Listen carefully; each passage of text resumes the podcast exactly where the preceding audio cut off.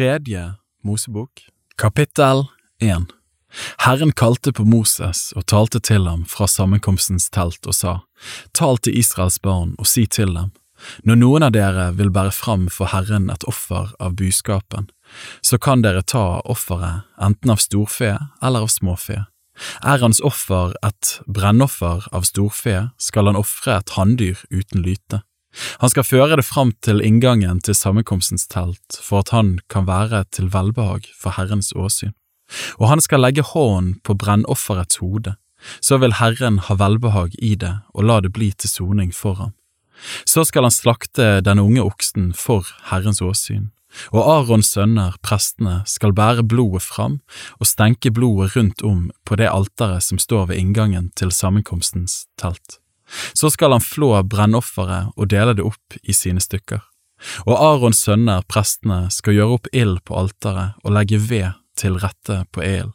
Så skal Arons sønner, prestene, legge stykkene, hodet og fettet til rette på veden over ilden på alteret. Innvollene og føttene skal vaskes med vann, og så skal presten brenne det alt sammen på alteret. Det er et brennoffer, et ildoffer til velbehagelig duft for Herren. Men hvis hans offer er et brennoffer av småfe, av sauene eller geitene, så skal han ofre et hanndyr uten lyte. Han skal slakte det på nordsiden av alteret for Herrens åsyn, og Arons sønner, prestene, skal stenke blodet rundt om på alteret. Så skal han dele offerdyret opp i sine stykker og ta med hodet og fettet, og presten skal legge dem til rette på veden over ilden på alteret. Innvollene og føttene skal vaskes med vann. Så skal presten bære det alt sammen fram og brenne det på alteret. Det er et brennoffer, et ildoffer til velbehagelig duft for Herren. Dersom hans offer til Herren er et brennoffer av fugler, så skal han ta sitt offer enten av turtelduer eller av dueunger. Presten skal bære fugl fram til alteret og vri hodet av den og brenne det på alteret. Blodet skal presses ut mot alterets vegg. Han skal ta ut kråsen med det som er i den, og kaste den på askehaugen ved østsiden av alteret. Deretter skal han flekke fuglen etter vingene, men uten å rive dem av.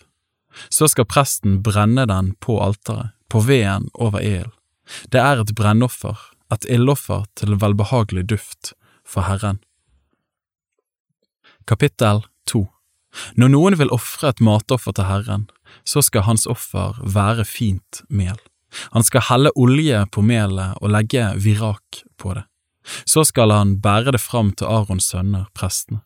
Presten skal ta en håndfull av det fine melet og av oljen, dessuten all viraken, og han skal brenne det som et påminningsoffer på alteret.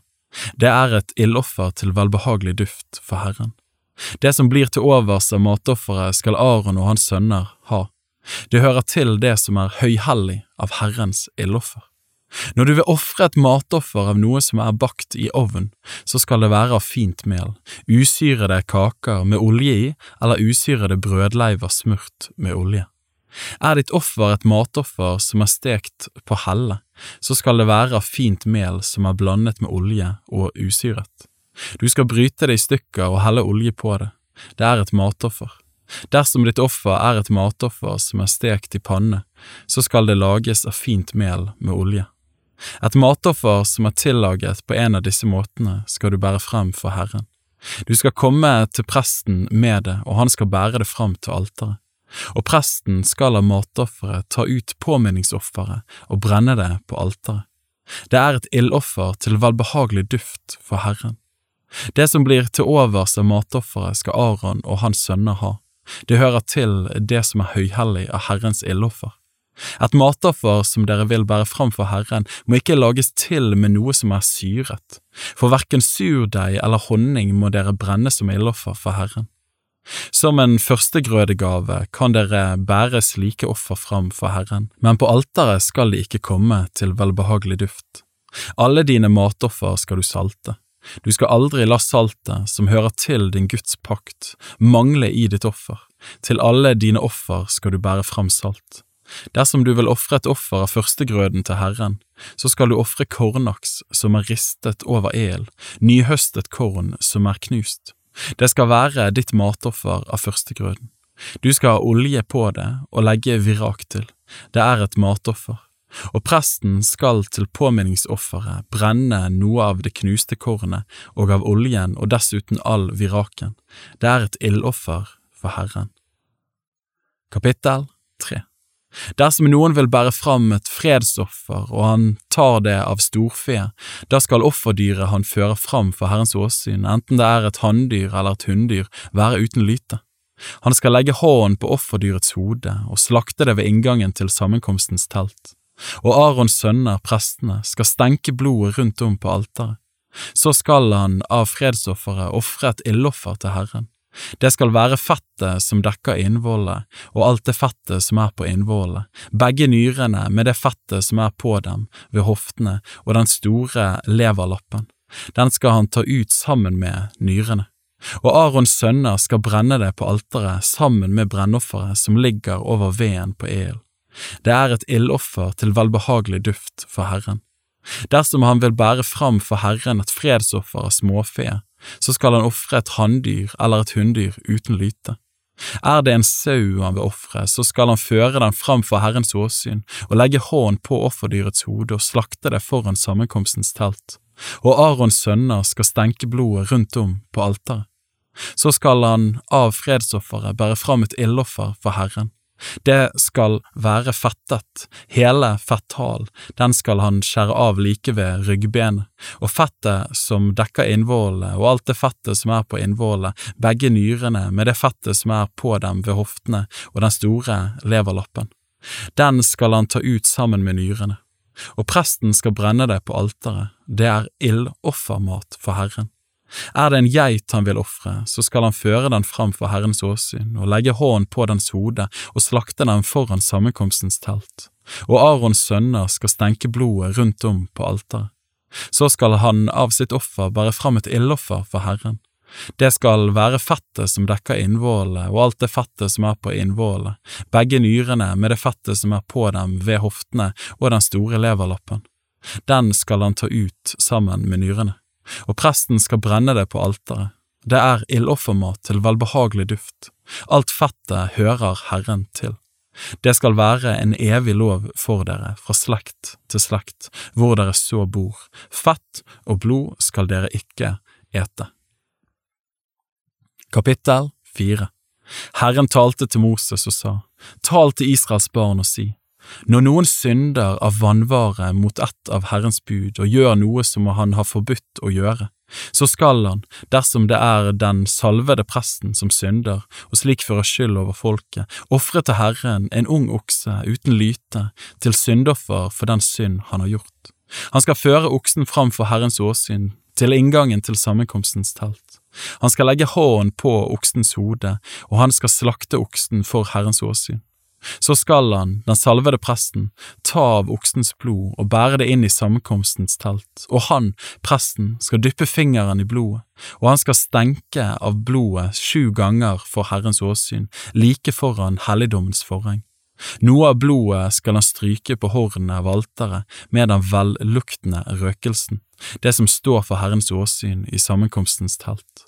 Resten av voksens blod skal han helle ut ved foten av brennofferalteret, som står ved inngangen til sammenkomstens telt.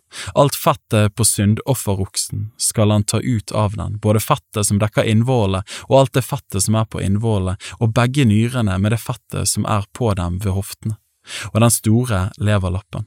Den skal han ta ut sammen med nyrene.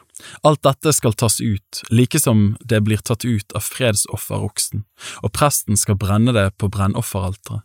Men oksens hud og alt kjøttet med hode, føtter, innvoller og mageinnhold, hele oksen skal han føre utenfor leiren, til et rent sted, der hvor de slår ut asken og han skal brenne opp oksen med veden, der hvor de slår ut asken, der skal den brennes.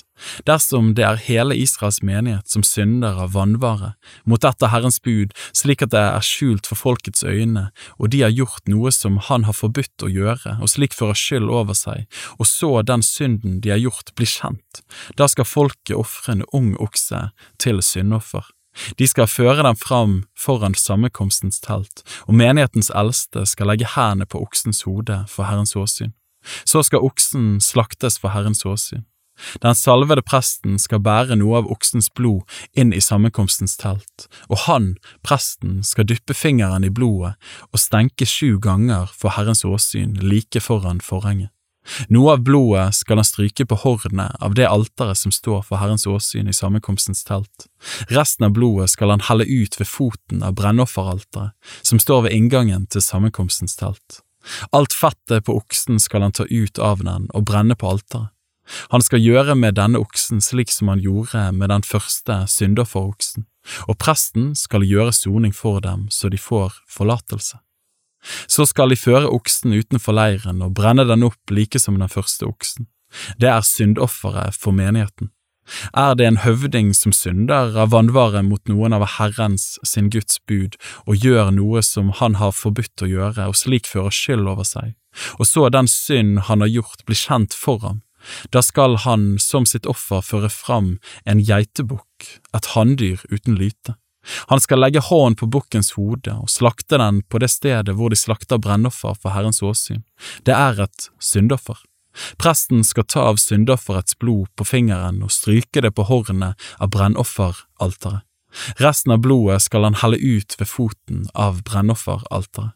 Alt fettet skal han brenne på alteret slik som han gjorde med fettet av fredsofferet og presten skal gjøre soning for ham og fri ham for hans synd, så han får forlatelse. Dersom det er noen av folket som synder av vannvare mot dette Herrens bud og gjør noe som han har forbudt å gjøre og slik fører skyld over seg, og så den synden han har gjort blir kjent for ham, da skal han som sitt offer for den synden han har gjort, føre fram en geit uten lyte, et hunndyr. Han skal legge hånd på syndofferets hode og slakte syndofferet der hvor brennofferet blir slaktet. Presten skal ta geitens blod på fingeren og stryke det på hornet av brennofferalteret. Resten av blodet skal han helle ut ved alterets fot. Alt fettet skal han ta ut, like som fettet tas ut av fredsofferet, og presten skal brenne det på alteret til en velbehagelig duft for Herren. Slik skal presten gjøre soning for ham så han får forlatelse. Er det en sau han fører frem som syndoffer, så skal han komme med et hunndyr uten lyte. Han skal legge hånd på offerdyrets hode og slakte det til syndoffer på det stedet hvor brennofferet blir slaktet. Presten skal ta av syndofferets blod på fingeren og stryke det på hornet av brennofferalteret. Resten av blodet skal han helle ut ved alterets fot. Alt fettet skal han ta ut, slik som fettet på sauen tas ut av fredsofferet og presten skal brenne det på alteret sammen med Herrens ildoffer. Slik skal presten gjøre soning for ham for den synden han har gjort, så han får forlatelse. Kapittel 5 Når noen synder idet han hører et offentlig påbud om å vitne, og er i stand til å vitne om noe som han enten har sett eller er blitt vitende om, men likevel ikke gir opplysninger om det, da ligger det en misgjerning på ham eller når noen uten å vite det rører ved noe urent, enten det er åtselet av et urent vilt dyr, eller åtselet av et urent husdyr, eller åtselet av et urent kryp, da er han blitt uren og har ført skyld over seg. Eller når han uten å vite det rører ved et menneskes urenhet, hvilken som helst urenhet som han selv blir uren ved, og han siden får vite det og kjenner seg skyldig, eller når noen uten å sanse seg sverger tankeløst med sine lepper at han vil gjøre noe enten ondt eller godt, hva det så kan være et menneske tankeløst sverger på, når han blir klar over det, da står han skyldig. Når noen altså har ført skyld over seg ved noe av dette, skal han bekjenne den synden han har begått, og han skal bære fram for Herren et skyldoffer for den synden han har gjort. Det skal være et hunndyr av småfe, en sau eller en geit til syndoffer, og presten skal gjøre soning for ham for hans synd. Men dersom han ikke har råd til en sau, da skal han som har syndet, bære fram som skyldoffer for Herren to turtelduer eller to dueunger, en til syndoffer og en til brennoffer. Han skal føre dem fram til presten. Presten skal først ofre den som er til syndoffer. Han skal vri hodet av den like over nakken, men uten å rive det av.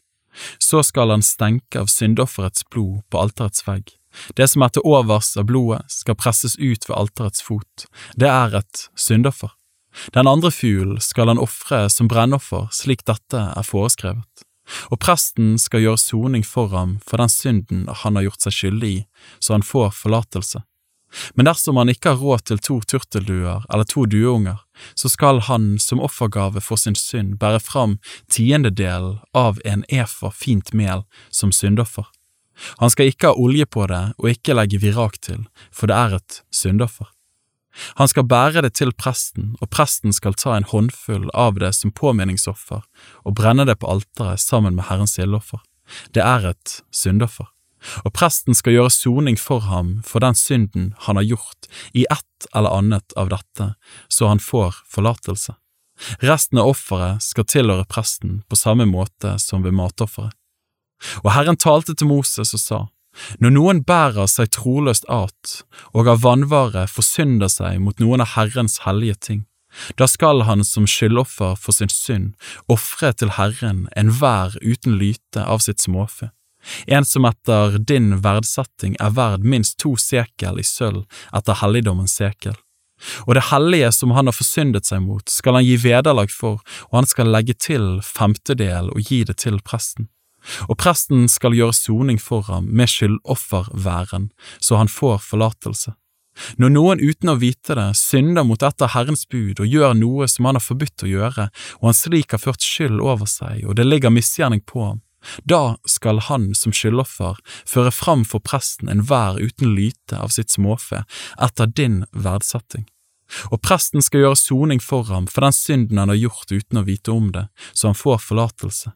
Det er et skyldoffer han er blitt skyldig for Herren. Og Herren talte til Moses og sa, Når noen synder og farer troløst fram mot Herren, idet han lyver for sin neste om noe som er ham betrodd eller overlatt til ham, eller om noe han har røvet, eller om han med vold har tatt noe fra sin neste, eller om han har funnet noe som var mistet og lyver om det, eller han sverger falsk om noe av alt det et menneske kan forsynde seg med, da skal den som har syndet på denne måten og ført skyld over seg, gi tilbake det han har røvet eller tatt med vold, eller det som var han betrodd, eller det som var mistet og som han har funnet, eller hva det kan være som han har sverget falskt om. Han skal godt gjøre det med dets fulle verdi, og enda legge til femtedel. Han skal gi det til eiermannen samme dag som han bærer fram sitt skyldoffer og til bot for sin synd skal han føre fram til presten et skyldoffer for Herren, én hver uten lyte av sitt småfe etter din verdsetting. Og presten skal gjøre soning for ham for Herrens åsyn, så han får forlatelse, hva han så har gjort og ført skyld over seg med.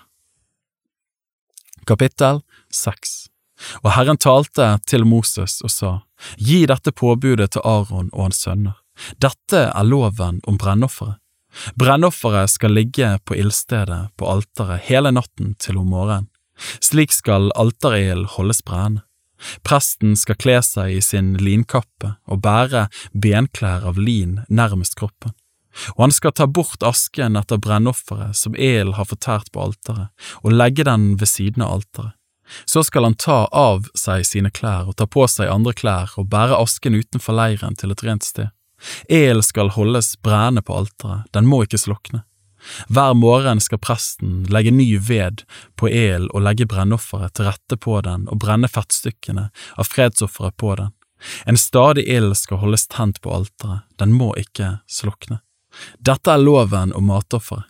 Arons sønner skal bære det fram for Herrens åsyn foran alteret og presten skal ta en håndfull av matofferets fine mel og av dets olje og all virak som er på matofferet, og brenne det på alteret til en velbehagelig duft, som et påminningsoffer til Herren. Det som blir til overs, skal Aron og hans sønner ete. Det skal etes usyret på et hellig sted, i forgården til sammenkomstens telt skal de ete det. Det skal ikke bakes med surdeig. Jeg har gitt dem det som deres del av mine ildoffer det er høyhellig, like som syndofferet og skyldofferet. Alle av mannskjønn blant Arons barn kan ete det. Til alle tider, fra slekt til slekt, skal det være deres del av Herrens ildoffer. Hver den som rører ved dem, skal være hellig. Og Herren talte til Moses og sa, Dette er Arons og hans sønners offer, det som de skal ofre til Herren den dagen en av dem blir salvet. Tiendedel av en efa fint mel som stadig matoffer, halvdel om morgenen og halvdel om kvelden. Det skal lages til med olje på en helle, godt knadd skal det være når du bærer det fram. Et matoffer som er bakt skal du bære fram i små stykker til en velbehagelig duft for Herren. Den av Arons sønner som blir salvet til prest i hans sted, skal lage det til. Det er en evig lov. Det skal brennes opp helt for Herren. Hvert matoffer som en prest bærer fram for seg selv, skal brennes helt, det må ikke etes. Og Herren talte til Moses og sa, Tal til Aron og hans sønner og si, dette er loven om syndofferet. På det stedet hvor brennofferet blir slaktet, skal syndofferet slaktes for Herrens åsyn. Det er høyhellig. Den presten som bærer fram syndofferet, kan ete det. Det skal etes på et hellig sted i forgården til sammenkomstens telt. Hver den som rører ved dets skjød, skal være hellig, og om det kommer noe av dets blod på et klesplagg, skal du vaske det på et hellig sted. Er det et leirkar det blir kokt i, så skal karet slås i stykker, men er det kokt i et kobberkar, så skal karet skures og skylles med vann. Alle menn som er prester, kan ete av det, det er høyhellig, men de syndoffer som det bæres blod av inn i sammenkomstens telt for å gjøre soning i helligdommen, må ikke etes, de skal brennes opp med ild. Kapittel 7 Dette er loven om skyldofferet. Det er høyhellig. På det stedet hvor brennofferet blir slaktet, skal skyldofferet slaktes. Blodet skal stenkes rundt om på alteret. Alt fettet skal ofres, både fetthalen og fettet som dekker innvollene, begge nyrene med det fettet som er på dem ved hoftene, og den store leverlappen, den skal tas ut sammen med nyrene. Og presten skal brenne det på alteret som ildoffer til Herren. Det er et skyldoffer. Alle menn som er prester, kan ete det. På et hellig sted skal det etes, det er høyhellig. Med skyldofferet skal det være som med syndofferet, samme lov gjelder for dem begge. Det skal tilhøre den presten som gjør soning med det. Når en prest ofrer brennoffer for noen, så skal huden av det brennofferet han har ofret, tilhøre den samme presten.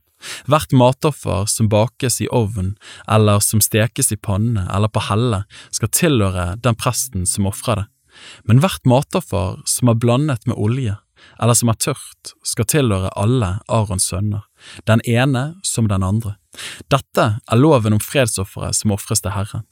Dersom noen ofrer det til takkoffer, så skal han i tillegg til slakteofferet som bæres fram til takkoffer, ofre usyrede kaker med olje i og usyrede brødleiver smurt med olje, og fint mel knadd til kaker med olje i. Dette er den offergaven han skal bære fram i tillegg til det slakteofferet som bæres fram til takkoffer og fredsoffer og dessuten syrede kaker. Av dette offeret skal han bære fram en kake av hvert slag som gave til Herren. Det skal tilhøre presten som stenker fredsofferets blod på alteret. Kjøttet av et fredsoffer som bæres fram som takkoffer, skal etes på den dagen det ofres. Det må ikke bli liggende noe av det til om morgenen. Dersom hans slakteoffer er et løfteoffer eller et frivillig offer, skal det etes på den dagen det ofres. Men det som blir tilbake, kan etes den neste dagen. Det som ennå blir tilbake av slaktofferets kjøtt, skal brennes opp med ild på den tredje dagen. Om noen på den tredje dagen eter av fredsofferets kjøtt, da har Herren ikke velbehag i offeret. Det skal ikke regnes den som ofret det til gode, det skal være en styggedom. Om noen eter av det, da fører han skyld over seg. Kjøtt som kommer nær noe urent, skal ikke etes, det skal brennes opp med ild. Ellers kan alle som er rene, ete av kjøttet. Men den som eter kjøtt av Herrens fredsoffer mens det er noe urent på ham, han skal utryddes av sitt folk. Når noen rører ved noe urent, enten det er et menneskes urenhet eller et urent dyr eller noe annet urent og motbydelig, og så eter av kjøttet fra Herrens fredsoffer, da skal han utryddes av sitt folk. Og Herren talte til Moses og sa, Tal til Israels barn og si, Dere skal ikke ete fett av okse eller sau eller geit. Fettet av et selvdødt dyr eller av et dyr som er revet i hjel, kan nyttes til forskjellig bruk, men dere må ikke ete det. Hver den som eter fettet av noe dyr som det ofres ildoffer av til Herren, han skal utryddes av sitt folk. Blod skal dere ikke ete, verken av fugl eller fe, hvor dere så bor.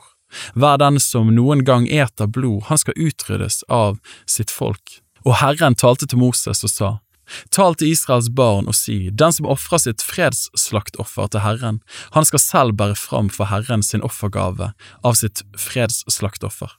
Med egne hender skal han bære fram Herrens ildoffer. Både fettet og brystet skal han bære fram, og brystet skal svinges for Herrens åsyn. Presten skal brenne fettet på alteret, men brystet skal høre Aron og hans sønner til. Og det høyre låret skal dere gi presten som gave av deres fredsoffer. Den er Arons sønner som ofrer fredsofferblodet og fettet, han skal ha det høyre låret som sin del. For svingebrystet og løftelåret har jeg mottatt fra Israels barn av deres fredsslaktoffer, og gitt det til Aron, presten, og til hans sønner, som en evig rettighet de kan kreve av Israels barn. Dette er Arons del og hans sønners del av Herrens ildoffer. Det blir gitt dem på den dagen de føres fram for å tjene Herren som prester. Det er den del som Herren befalte at Israels barn skulle gi dem på den dagen de ble salvet, en evig rettighet fra slekt til slekt.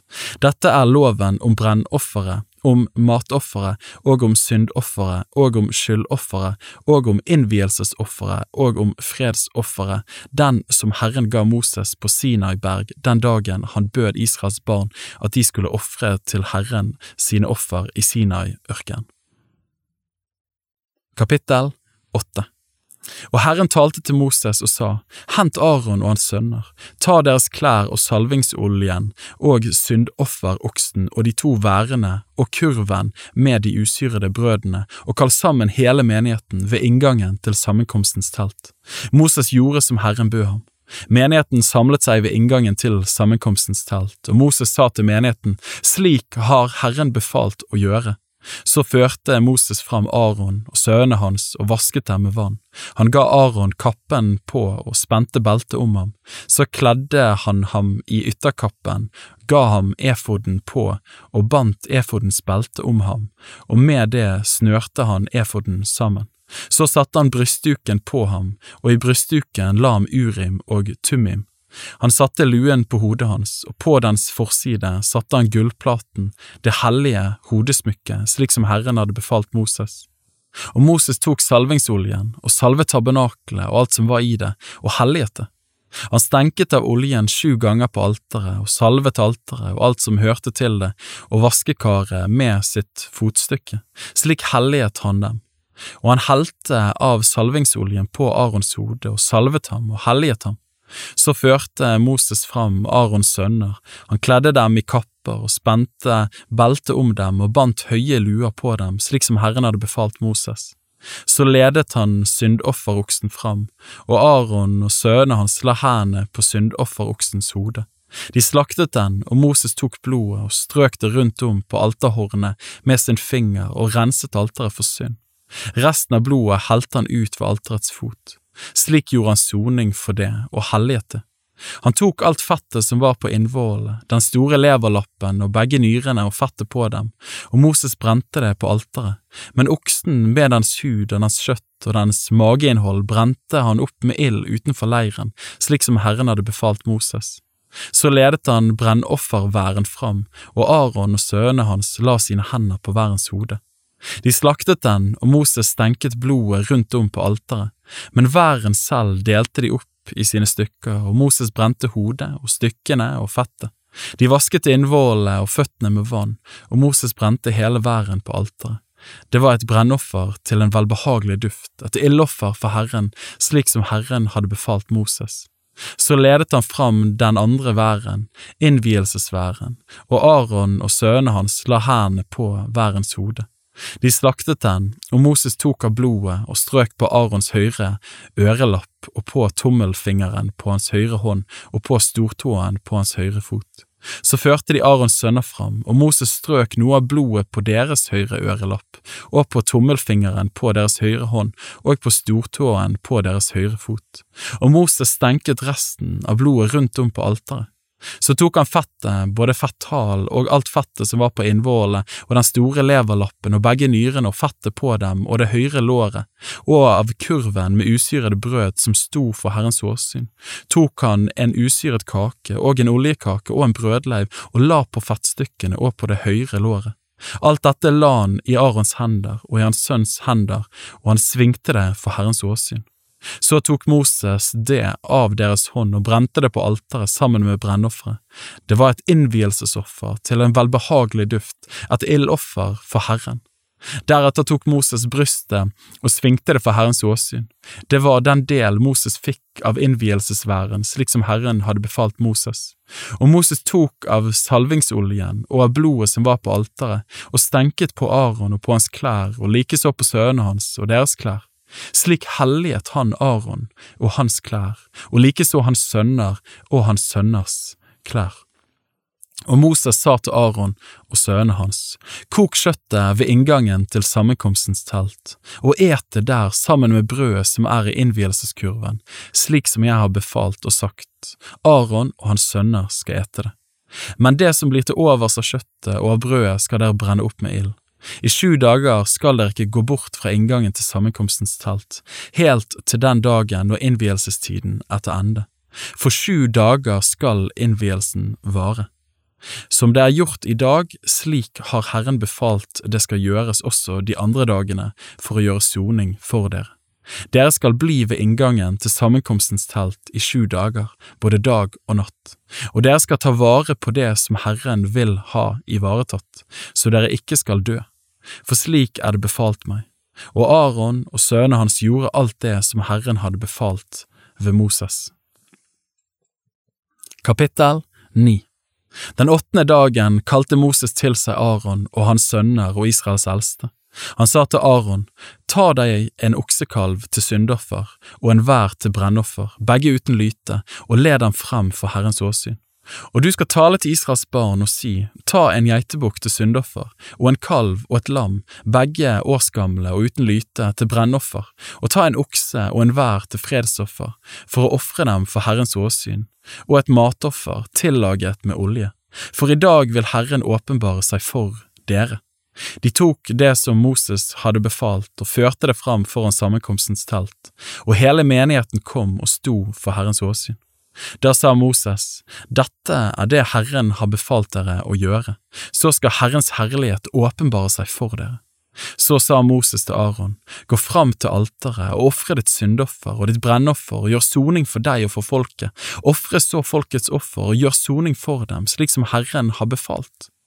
Og Aron trådte frem til alteret og slaktet den kalven som skulle være syndoffer for ham selv.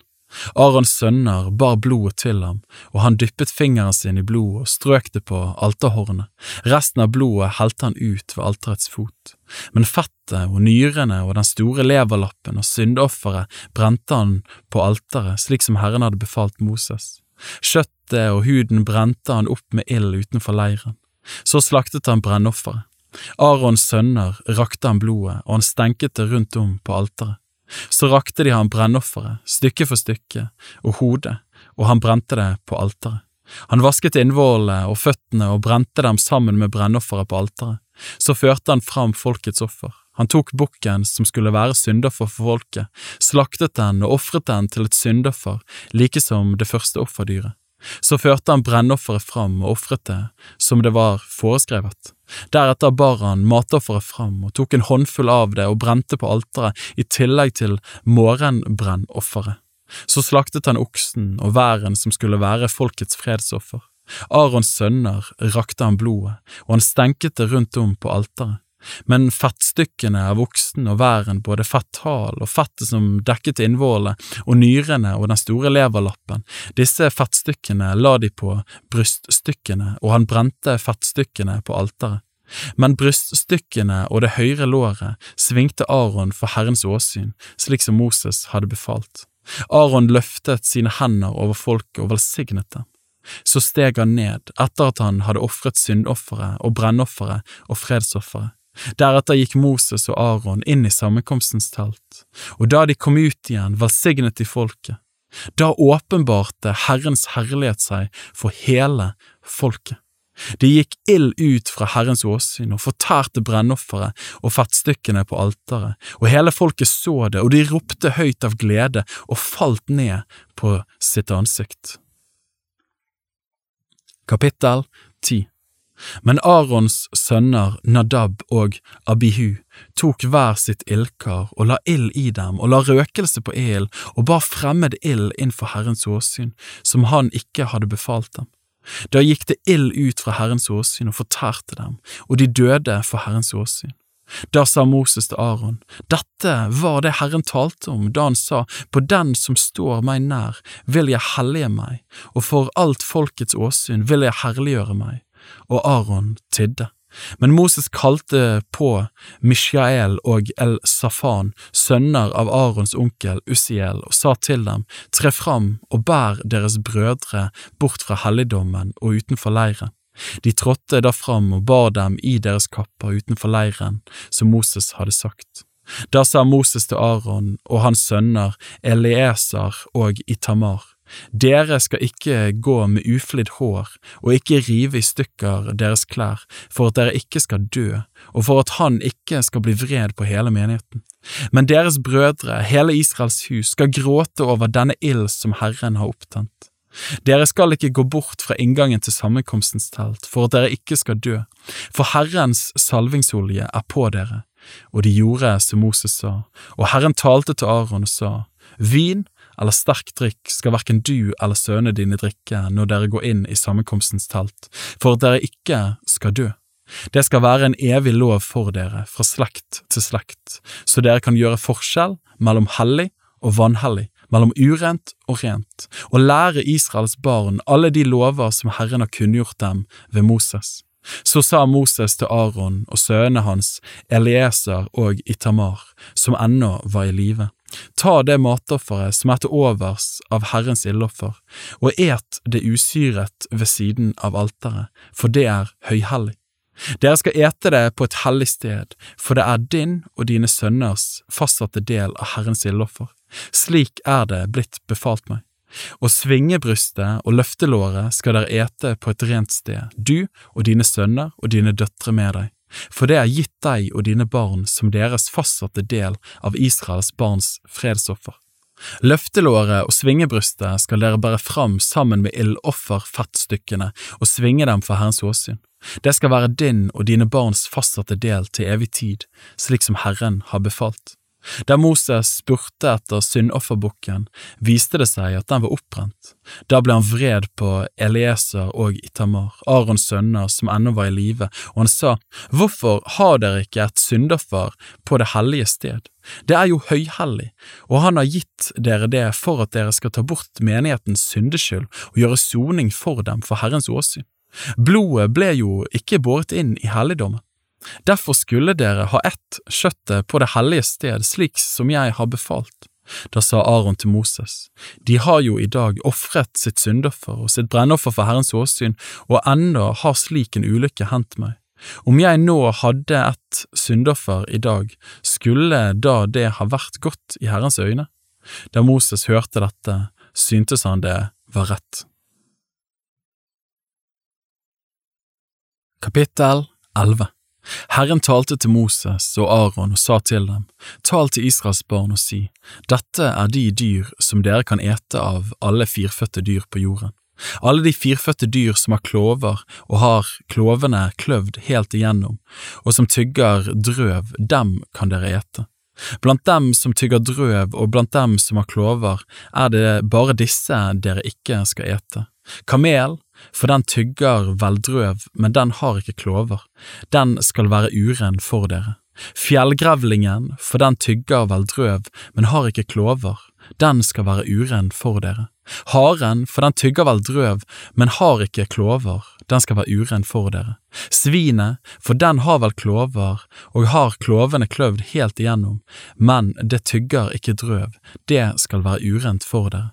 Kjøttet av disse dyrene skal dere ikke ete, og dere skal ikke røre ved deres døde kropper, de skal være urene for dere.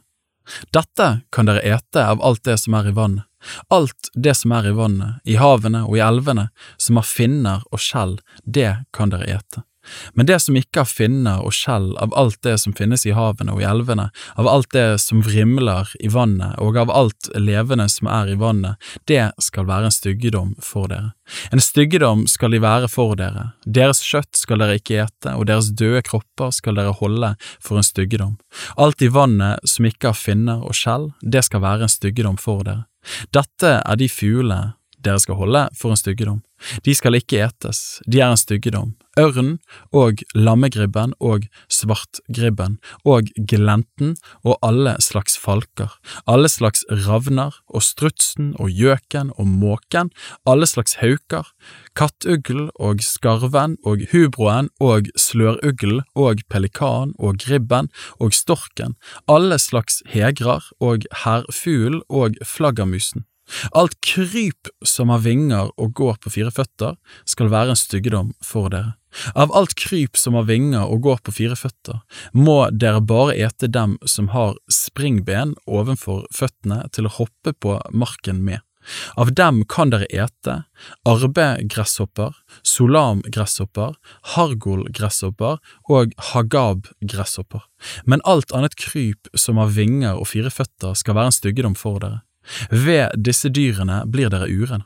Hver den som rører ved deres døde kropper, skal være uren til om kvelden, og hver den som har båret en slik kropp, skal vaske klærne sine og være uren til om kvelden. Hvert firfødt dyr som vel har klover, men ikke har klovene kløvd helt igjennom og ikke tygger drøv, skal være urent for dere. Hver den som rører ved dem, blir uren. Alle firfødte dyr som går på labber, skal være urene for dere. Hver den som rører ved deres døde kropper, skal være uren til om kvelden, og den som har båret deres døde kropper, skal vaske klærne og være uren til om kvelden. De skal være urene for dere, Blant de smådyr som kryper på jorden, skal disse være de mest urene for dere, muldvarpen og musen og alle slags firfirsler, og anaka firfirsel, koa firfirsel og leta-a firfirsel, salamanderen og kamelon. Disse skal være de mest urene for dere blant alle smådyr. Hver den som rører ved dem når de er døde, skal være uren til om kvelden. Alt det som et slikt dødt dyr faller på, er urent, enten det er trekar, eller klær, eller skinn, eller sekker, eller noen annen bruksgjenstand. Det skal legges i vann og være urent til om kvelden. Da er det rent. Hvis det faller et slikt dyr ned i et leirkar, så blir alt det som er i karet urent, og karet selv skal dere slå i stykker. All mat som folk eter og som lages til med vann, blir da uren og all drikk som folk drikker blir uren om den er i slike kar. Alt det som en slik død kropp faller på, blir urent. Enten det er ovn eller gryte, skal de brytes i stykker, de er urene og skal være urene for dere. Bare kilder og brønner som det samler seg vann i, blir like rene. Men den som rører ved deres døde kropper, blir uren. Om en slik død kropp faller på korn som skal slåes, er kornet like rent. Men om det blir slått vann på såkornet og en slik død kropp faller på det, da skal kornet være urent for det. Dør noen av de firfødte dyr som er til føde for dere, da skal den som rører ved dyrets døde kropp være urent til om kvelden, og den som har ett av dets døde kropp, skal vaske sine klær og være uren til om kvelden, og den som har båret dets døde kropp, skal vaske sine klær og være uren til om kvelden. Alle smådyr som kryper på jorden skal være en styggedom de skal ikke etes. Dere må ikke ete det som kryper på buken, eller det som går på fire føtter, eller det som har flere føtter blant alle smådyr som kryper på jorden, det skal være en styggedom. Gjør ikke dere selv motbydelige ved noe slikt kryp, og la dere ikke smitte ved dem så dere blir urene. For jeg er Herren deres Gud, og dere skal hellige dere. Dere skal være hellige, for jeg er hellig. Dere skal ikke gjøre dere selv urene ved noe av det kryp som rører seg på jorden, for jeg er Herren, som førte dere opp fra landet Egypt for å være deres Gud. Dere skal være hellige, for jeg er hellig. Dette er loven om de firfødte dyrene og fuglene og alt liv som rører seg i vannet, og om alle de dyr som kryper på jorden, så dere kan skille mellom urent og rent, mellom dyr som kan etes og dyr som ikke kan etes. Kapittel 12 Herren talte til Moses og sa, Tal til Israels barn og si, når en kvinne får barn og føder en gutt, da skal hun være uren i sju dager. Hun skal være uren like så lenge som hun er uren i sin månedlige svakhet. Den åttende dagen skal hans forhud omskjæres. Deretter skal hun holde seg inne i 33 dager under sitt blods renselse.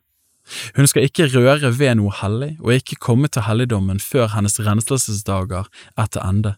Men føder hun en pike, da skal hun være uren i to uker, like som ved sin månedlige urenhet, og holde seg inne i 66 dager under sitt blods renselse.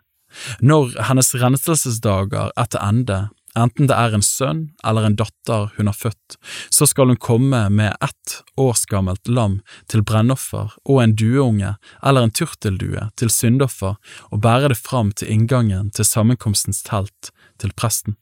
Han skal ofre det for Herrens åsyn og gjøre soning for henne. Da blir hun ren etter blødningen. Dette er loven for den kvinne som har født, enten barnet er en gutt eller en pike.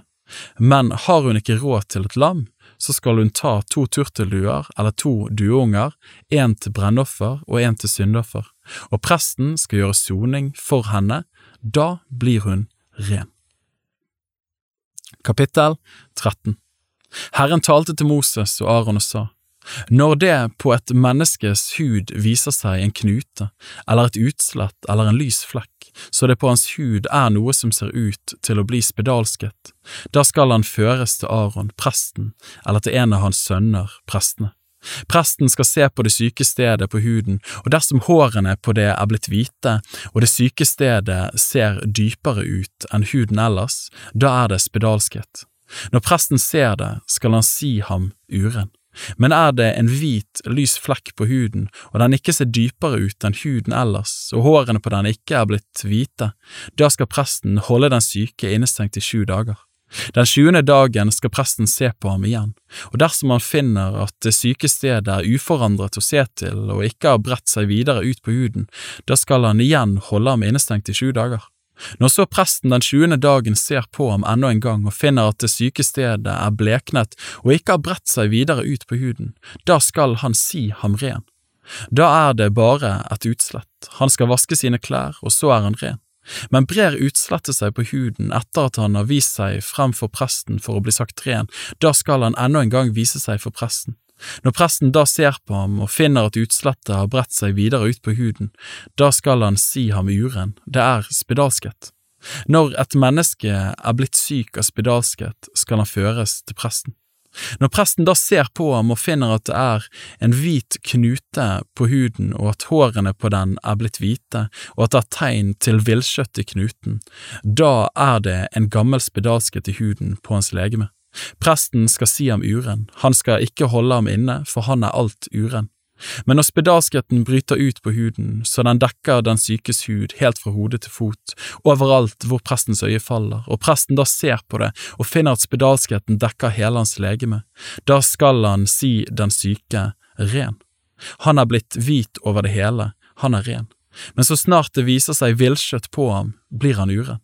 Når presten ser villkjøttet, skal han si ham uren, for villkjøttet er urent, det er spedalsket. Men dersom villkjøttet igjen forandrer seg og blir hvitt, da skal han gå til presten. Når presten ser på ham og finner at det syke stedet er blitt hvitt, da skal han si den syke ren, for da er han ren. Når noen har en byll på huden og den leges, og det der hvor byllen var, blir en hvit knute eller en lyserød flekk, da skal han vise seg fram for presten. Når presten ser på ham og finner at stedet ser dypere ut enn huden ellers, og at hårene på det er blitt hvite, da skal presten si ham uren. Det er spedalskhet som er brutt ut i byllen. Men når presten ser på det syke stedet og finner at det ikke er hvite hår der, og at det ikke er dypere enn huden ellers, og at det er blekt, da skal presten holde ham innestengt i sju dager. Brer det seg da videre ut på huden, skal presten si ham uren, det er spedalsket. Men dersom den lyse flekken blir uforandret på sitt sted og ikke har bredt seg ut, da er det bare arret etter bøylen. Presten skal si ham ren. Når noen får et brannsår på huden og kjøttet som gror i brannsåret viser seg som en lyserød eller hvit flekk, da skal presten se på den, og dersom han finner at hårene på den lyse flekken er blitt hvite, og at den ser dypere ut enn huden ellers, da er det spedalskhet som har brutt ut i brannsåret. Presten skal si ham uren, det er spedalsket. Men finner presten når han ser på den at det ikke er hvite hår på den lyse flekken og at den ikke er dypere enn huden ellers, og at den er blek, da skal han holde ham innestengt i sju dager. Den sjuende dagen skal presten se på ham. Dersom flekken da har bredt seg videre ut på huden, skal presten si ham uren, det er spedalsket.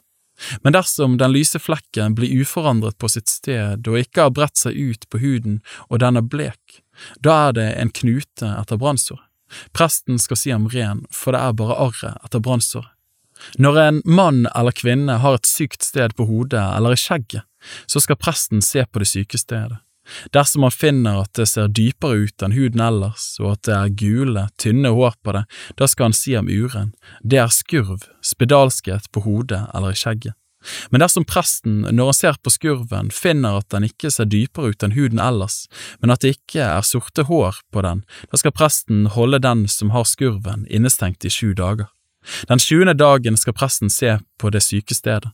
Dersom han finner at skurven ikke har bredt seg ut, og at det ikke er gule hår på den, og at skurven ikke ser dypere ut enn huden ellers, da skal den som har skurven, rake seg, men ikke der hvor skurven er. Presten skal da igjen holde ham innestengt i sju dager. Dersom da presten ser på skurven den tjuende dagen og finner at den ikke har bredt seg ut på huden og at den ikke ser dypere ut enn huden ellers, da skal han si ham ren. Han skal vaske sine klær, så er han ren. Men dersom skurven brer seg ut på huden etter at han er sagt ren, så skal presten se på ham. Og dersom han finner at skurven har bredt seg ut på huden, da skal han ikke lete etter gule hår, han er uren. Men ser det ut for ham som om skurven er uforandret og det er vokst sorte hår på den, da er skurven lekt, han er ren, og presten skal si ham ren. Når en mann eller kvinne får lyse flekker på kroppen, hvite, lyse flekker, og presten da ser på dem og finner lyse flekker av en blek, hvit farge på huden, da er det bare et ufarlig utslett som er brutt ut på huden. Denne er ren. Når en mann mister håret på hodet så han blir skallet, da er han ren. Når han mister håret fremme på hodet så han blir fleinskallet, da er han ren. Men er det en lyserød flekk der hvor han er skallet, enten det er bak eller foran på hodet, da er det spedalskhet som bryter ut på det skallede stedet, på bakhodet eller forhodet. Når presten ser på ham og finner at det er en lyserød knute på hans skallede bakhode eller forhode av samme utseende som spedalskheten på huden, da er mannen spedalsk. Han er uren, presten skal si ham uren. Han har fått sykdommen på hodet. Den som har blitt rammet av spedalskhet, skal gå med flerrede klær og med uflidd hår. Han skal dekke til sitt skjegg og rope uren, uren. Han skal være uren hele den tid han har sykdommen.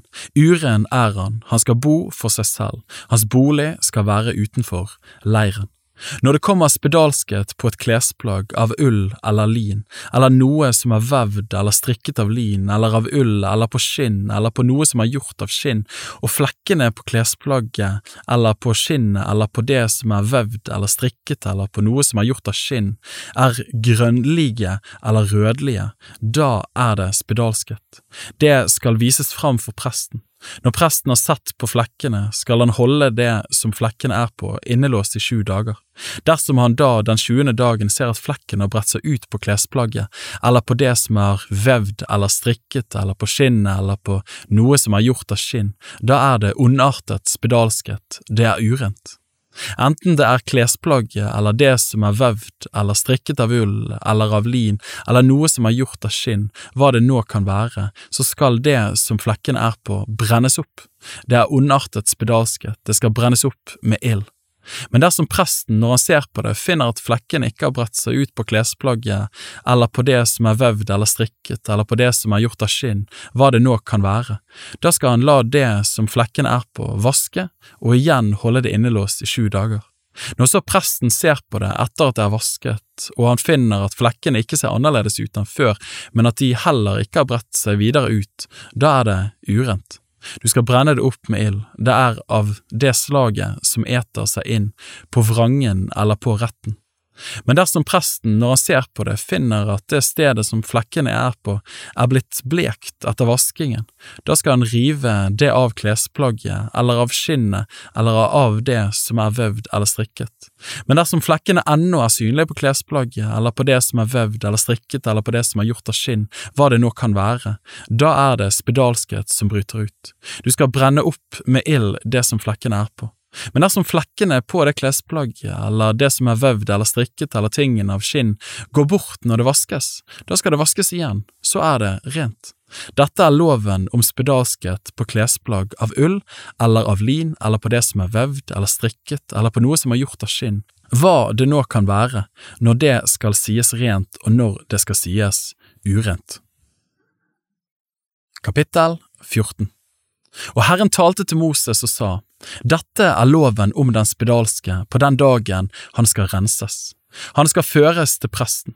Presten skal gå utenfor leiren, og når presten ser på ham og finner at han er helbredet fra sin spedalskhet, da skal presten befale at det for den som lar seg rense, skal tas ut to levende, rene fugler og sedertre og karmosinrød ull og isop, og han skal la dem slakte den ene fugl i et leirkar over rene vann. Så skal han ta den levende fugl og sedertreet og den karmosinrøde øl og isopen og dyppe dem sammen med den levende fugl i blodet av den fuglen som er slaktet over det rene vannet. Han skal stenke sju ganger på den som lar seg rense for spedalskhet. Slik skal han rense ham, og den levende fugl skal han la fly sin vei ut i den åpne marken. Den som lar seg rense, skal vaske sine klær og rake av alt håret og bade seg i vann, så er han ren. Deretter kan han gå inn i leiren, men han skal holde seg utenfor sitt telt i sju dager. Den sjuende dagen skal han rake av alt håret, både sitt hodehår og sitt skjegg og sine øyenbryn, alt håret skal han rake av. Og han skal vaske sine klær og bade sitt legeme i vann, så er han ren. Den åttende dagen skal han ta to værlam uten lyte og ett årsgammelt hunnlam uten lyte, og til matoffer tre tiendedeler av en efa fint mel blandet med olje og så en log olje. Og presten som forestår renselsen, skal stille den mannen som lar seg rense og de tingene han skal ofre frem for Herrens åsyn ved inngangen til sammenkomstens telt. Så skal presten ta det ene værlammet og bære det fram til skyldoffer sammen med den tilhørende log olje, og han skal svinge dem for Herrens åsyn. Værlammet skal slaktes på det stedet hvor syndofferet og brennofferet ble slaktet, på det hellige stedet, for like som syndofferet, slik tilhører også skyldofferet presten, det er høyhellig. Så skal presten ta av skyldofferets blod og stryke på den høyre ørelapp på den som lar seg rense, og på hans høyre tommelfinger og på hans høyre stortø. Og presten skal ta av den tilhørende log olje og helle i sin venstre hånd, og så dyppe høyre pekefinger i oljen som han har i venstre hånd, og stenke av oljen med fingeren sju ganger for Herrens åsyn. Og av den oljen som er igjen i hånden, skal presten stryke noe på den høyre ørelappen på den som lar seg rense, og på hans høyre tommelfinger og på hans høyre stortå over blodet av skyldofferet. Og det som ennå er til overs av oljen som presten har i hånden, skal han helle på hodet til den som lar seg rense. Slik skal presten gjøre soning for ham for Herrens åsyn. Så skal presten ofre syndofferet og gjøre soning for den som lar seg rense for sin urenhet. Deretter skal han slakte brennofferet, og presten skal ofre brennofferet og matofferet på alteret og slik gjøre soning for ham. Da er han ren. Men er det en fattig mann som ikke har råd til så mye, da skal han ta et værlam til skyldoffer, det skal svinges til soning for ham, og en tiendedel av en efa fint mel, blandet med olje, til matoffer, og en log olje og to turtelduer eller to dueunger, etter som han har råd til. Den ene skal være til syndoffer og den andre til brennoffer. Den åttende dagen av sin renselse skal han bære dette fram til presten til inngangen til sammenkomstens telt for Herrens åsyn. Og presten skal ta skyldofferlammet og den log olje som hører til, og svinge dem for Herrens åsyn. De skal slakte skyldofferlammet. Og presten skal ta av skyldofferets blod og stryke på høyre ørelapp på den som lar seg rense, og på høyre tommelfinger og høyre stortå. Så skal presten helle noe av oljen i sin venstre hånd, og med sin høyre pekefinger skal han stenke sju ganger for Herrens åsyn av oljen som han har i sin venstre hånd. Så skal presten stryke noe av oljen som han har i hånden, på den høyre ørelappen på den som lar seg rense, og på hans høyre tommelfinger og på hans høyre stortå, på det stedet hvor blodet av skyldofferet er. Og det som er til overs av oljen som presten har i hånden, skal han helle på hodet til den som lar seg rense. Slik skal han gjøre soning for ham for Herrens åsyn. Så skal han ofre den ene av turtelduene eller av dueungene, det som han har råd til, som syndoffer og den andre som brennoffer sammen med matofferet. Slik skal presten gjøre soning for den som lar seg rense for Herrens åsyn. Dette er loven om den som lider av spedalskhet, men ikke har råd til å ofre så mye når han skal renses. Og Herren talte til Moses og Aron og sa, Når dere kommer inn i Kanans land, som jeg gir dere til eiendom, og jeg lar spedalskhet komme på noe hus i det landet dere får til eie, da skal den som eier huset gå og melde det til presten og si, Det ser ut for meg som det er kommet spedalskhet på huset. Da skal presten la huset rydde, før han selv kommer for å se på flekkene, så ikke alt det som er i huset skal bli urent. Deretter skal han komme og se på huset. Dersom han, når han ser på flekkene, finner at flekkene på husets vegger viser seg som grønnlige eller rødlige fordypninger som synes å ligge dypere enn veggen, da skal han gå ut av husets dør, og han skal stenge huset og holde det låst i sju dager. Den sjuende dagen skal presten komme igjen. Når han da ser på det og finner at flekkene har bredt seg ut på veggene i huset, da skal han la de steinene som flekkene er på, brytes ut og kastes utenfor byen på et urent sted. Deretter skal huset skrapes innvendig rundt omkring, og pusten som blir skrapt av skal kastes på et urent sted utenfor byen. Så skal de ta andre steiner og sette dem inn i stedet for de gamle steinene, og de skal ta en ny leire og pusse huset med. Bryter flekkene ut igjen på huset etter at steinene er tatt ut og huset skrapt og pusset, da skal presten komme og se på det. Dersom han finner at flekkene har bredt seg ut på huset, da er det ondartet spedalskhet på huset, det er urent. Da skal de rive huset ned, både steinene og treverket og all leiren, og føre det til et urent sted utenfor byen. Den som går inn i huset under den tiden det holdes låst, skal være urent til om kvelden. Og den som ligger i huset, skal vaske sine klær, og den som eter i huset, skal vaske sine klær. Men dersom presten, når han kommer og ser på det, finner at flekkene ikke har bredt seg ut på huset etter at det er blitt pusset, da skal han si huset rent, for da er onde borte. Så skal han, for at huset kan bli renset, ta to fugler og sedertre og karmosinrød ull og isop. Den ene fuglen skal han slakte i et lærkar over rene vann. Så skal han ta sedertreet og isoppen og den karmosinrøde ølen og den levende fugl og dyppe dem i blodet av den fugl som er slaktet og i det rene vannet, og stenke på huset sju ganger. Og han skal rense huset med blodet av fugl og med det rene vannet og med den levende fugl og med sedertreet og med isoppen og med den karmosinrøde ølen. Så skal han la den levende fugl fly utenfor byen, ut i den åpne marken. Slik skal han gjøre soning for huset, så det blir rent. Dette er loven om all slags spedalskhet og om skurv, og om spedalskhet på klær og på hus, og om knuter i huden, og om utslett og om lyse flekker på huden, til opplysning om når noe er urent og når det er rent. Dette er loven om spedalskhet. Kapittel 15 Herren talte til Moses og Aron og sa, Tal til Israels barn og si til dem, når det kommer utflod fra en manns legeme, er han uren på grunn av utfloden. Så lenge hans utflod varer, er det slik med hans urenhet. Enten hans legeme gir utfloden fra seg, eller holder den tilbake, i begge tilfeller er han uren. Hvert leie som den som har utflod ligger på skal være urent, og alt det han sitter på skal være urent. Den som rører ved hans leie, skal vaske sine klær og bade seg i vann og være uren til om kvelden. Og den som setter seg på noe som den som har utflod satt på, han skal vaske sine klær og bade seg i vann og være uren til om kvelden. Den som rører ved den sykes legeme, skal vaske sine klær og bade seg i vann og være uren til om kvelden. Dersom den som har utflod, spytter på en som er ren, da skal den han spytter på, vaske sine klær og bade seg i vann og være uren til om kvelden.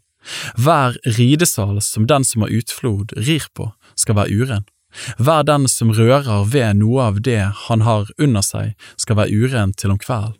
Og den som bærer det bort, skal vaske sine klær og bade seg i vann og være uren til om kvelden. Dersom den som har utflod rører ved noen uten at han først har skyllet hendene i vann, da skal den han rørte ved vaske sine klær og bade seg i vann og være uren til om kvelden. Et leirkar som den som har utflod rører ved, skal brytes i stykker, og hvert trekar skal skylles i vann. Når den som har utflod blir ren for sin utflod, skal han telle sju dager fram fra den dagen han ble ren. Så skal han vaske sine klær og bade sitt legeme i rene vann, så er han ren. Den åttende dagen skal han ta to turtelduer eller to dueunger og komme frem for Herrens åsyn til inngangen til sammenkomstens telt og gi dem til presten. Og presten skal ofre dem, den ene til syndoffer og den andre til brennoffer. Slik skal presten gjøre soning for ham for Herrens åsyn og rense ham for hans utflod. Når det går sæd fra en mann, da skal han bade hele sitt legeme i vann og være urent til om kvelden.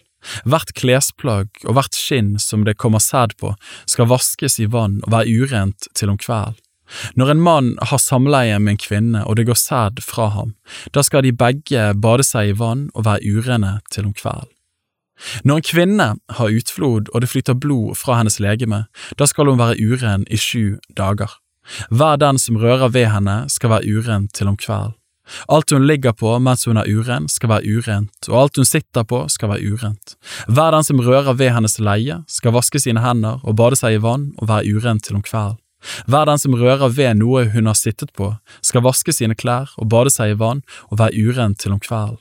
Dersom noen rører ved noe som ligger på hennes leie eller på det hun sitter på, skal han være urent til om kvelden. Dersom en mann ligger hos henne og hennes urenhet kommer på ham, da skal han være uren i sju dager. Hvert leie han ligger på skal være urent. Når en kvinne har blodflo i mange dager uten at det er hennes månedlige urenhetstid, eller hun har utflod lenger enn vanlig i sin månedlige urenhetstid, da skal hun være uren alle de dagene hennes urenhetsutflod varer, like som i sine månedlige urenhetsdager. Hvert leie hun ligger på alle de dagene hennes utflod varer skal være urent, på samme måten som hennes leie i hennes månedlige urenhet. Og alt hun sitter på skal være urent, like som når hun har sin månedlige urenhet. Hver den som rører ved det, skal være uren. Han skal vaske sine klær og bade seg i vann og være uren til om kvelden. Men når hun blir ren for sin utflod, da skal hun telle sju dager fram, deretter skal hun være ren. Den åttende dagen skal hun ta to turtelduer eller to dueunger og komme med dem til presten, til inngangen til sammenkomstens telt. Presten skal ofre den ene til syndoffer og den andre til brennoffer. Slik skal presten gjøre soning for henne for Herrens åsyn, og rense henne for hennes urenhets utflod. Dere skal skille Israels barn fra deres urenhet, for at de ikke skal dø i sin urenhet når de gjør mitt tabernakel urent, det som står midt iblant dem. Dette er loven om den som har utflod, og om den som har sæduttømming så han blir uren ved det, og om den kvinne som har sin månedlige urenhet, og om den som har utflod, enten det er mann eller kvinne, og om en mann som ligger med en uren kvinne. Kapittel 16 Herren talte til Moses etter at de to sønnene til Aron var døde, de som måtte dø den gang de trådte frem for Herrens åsyn. Og Herren sa til Moses, Si til Aron, din bror, at han ikke til enhver tid må gå inn i helligdommen innenfor forhenget, fram til nådestol som er over arken, for at han ikke skal dø. For jeg vil åpenbare meg skyen over nådestol. Dette skal Aron ha med seg når han går inn i helligdommen en ung okse til syndoffer og en vær til brennoffer. Han skal kle seg i en hellig kappe av lin og ha benklær av lin på sitt legeme. Han skal binde opp om seg med et belte av lin og sette en lue av lin på sitt hode. Dette er de hellige klærne. Og han skal bade sitt legeme i vann før han kler seg i dem. Av Israels barns menighet skal han få to geitebukker til syndoffer og en hver til brennoffer. Så skal Aron føre fram sin egen syndofferokse og gjøre soning for seg og sitt hus, og han skal ta de to geitebukkene og stille dem frem for Herrens åsyn, ved inngangen til sammenkomstens telt. Aron skal kaste lodd om de to geitebukkene, ett lodd for Herren og ett lodd for den bukken som skal sendes bort. Den bukken som ved loddkastning er tilfalt Herren, skal Aron føre fram og ofre til syndoffer. Men den bukken som loddet var falt på, den som skal sendes bort, skal stilles levende fram for Herrens åsyn, for at det skal gjøres soning ved den, og så skal den slippes løs for å sendes ut i ørken. Når Aron fører frem sin egen syndofferokse og gjør soning for seg og sitt hus, skal han først slakte syndofferoksen. Så skal han fylle ildkaret med glør fra alteret for Herrens åsyn, og han skal fylle sine hender med finstøtt, velluktende røkelse og bære det innenfor forhenget. Han skal legge røkelsen på elen for Herrens åsyn, så skyen av røkelsen skjuler nådestolen som er over vitnesbyrdet, for at den ikke skal dø. Så skal han ta noe av oksens blod og stenke det med sin finger på fremsiden av nådestolen, og foran nådestolen skal han stenke noe av blodet sju ganger med fingeren. Deretter skal han slakte den bukken som skal være syndoffer for folket, og bære dens blod innenfor forhenget. Han skal gjøre med bukkens blod like som han gjorde med oksens blod, og stenke det på nådestol og foran nådestol. Slik skal han gjøre soning for helligdommen og rense den for Israels barns urenhet og for alle deres overtredelser som de har forsyndet seg med. Likeså skal han gjøre med sammenkomstens telt, som er reist blant dem midt i deres urenhet. Det må ikke være noe menneske i sammenkomstens telt når han går inn for å gjøre soning i helligdommen, og til han går ut igjen. Slik skal han gjøre soning for seg og for sitt hus og for hele Israels menighet. Så skal han gå ut til alteret som er reist for Herrens åsyn, og gjøre soning for det. Han skal ta av oksens blod og av bukkens blod og stryke rundt om på alterhornet og stenke noe av blodet på det sju ganger med fingeren og slik rense og hellige det fra Israels barns urenhet.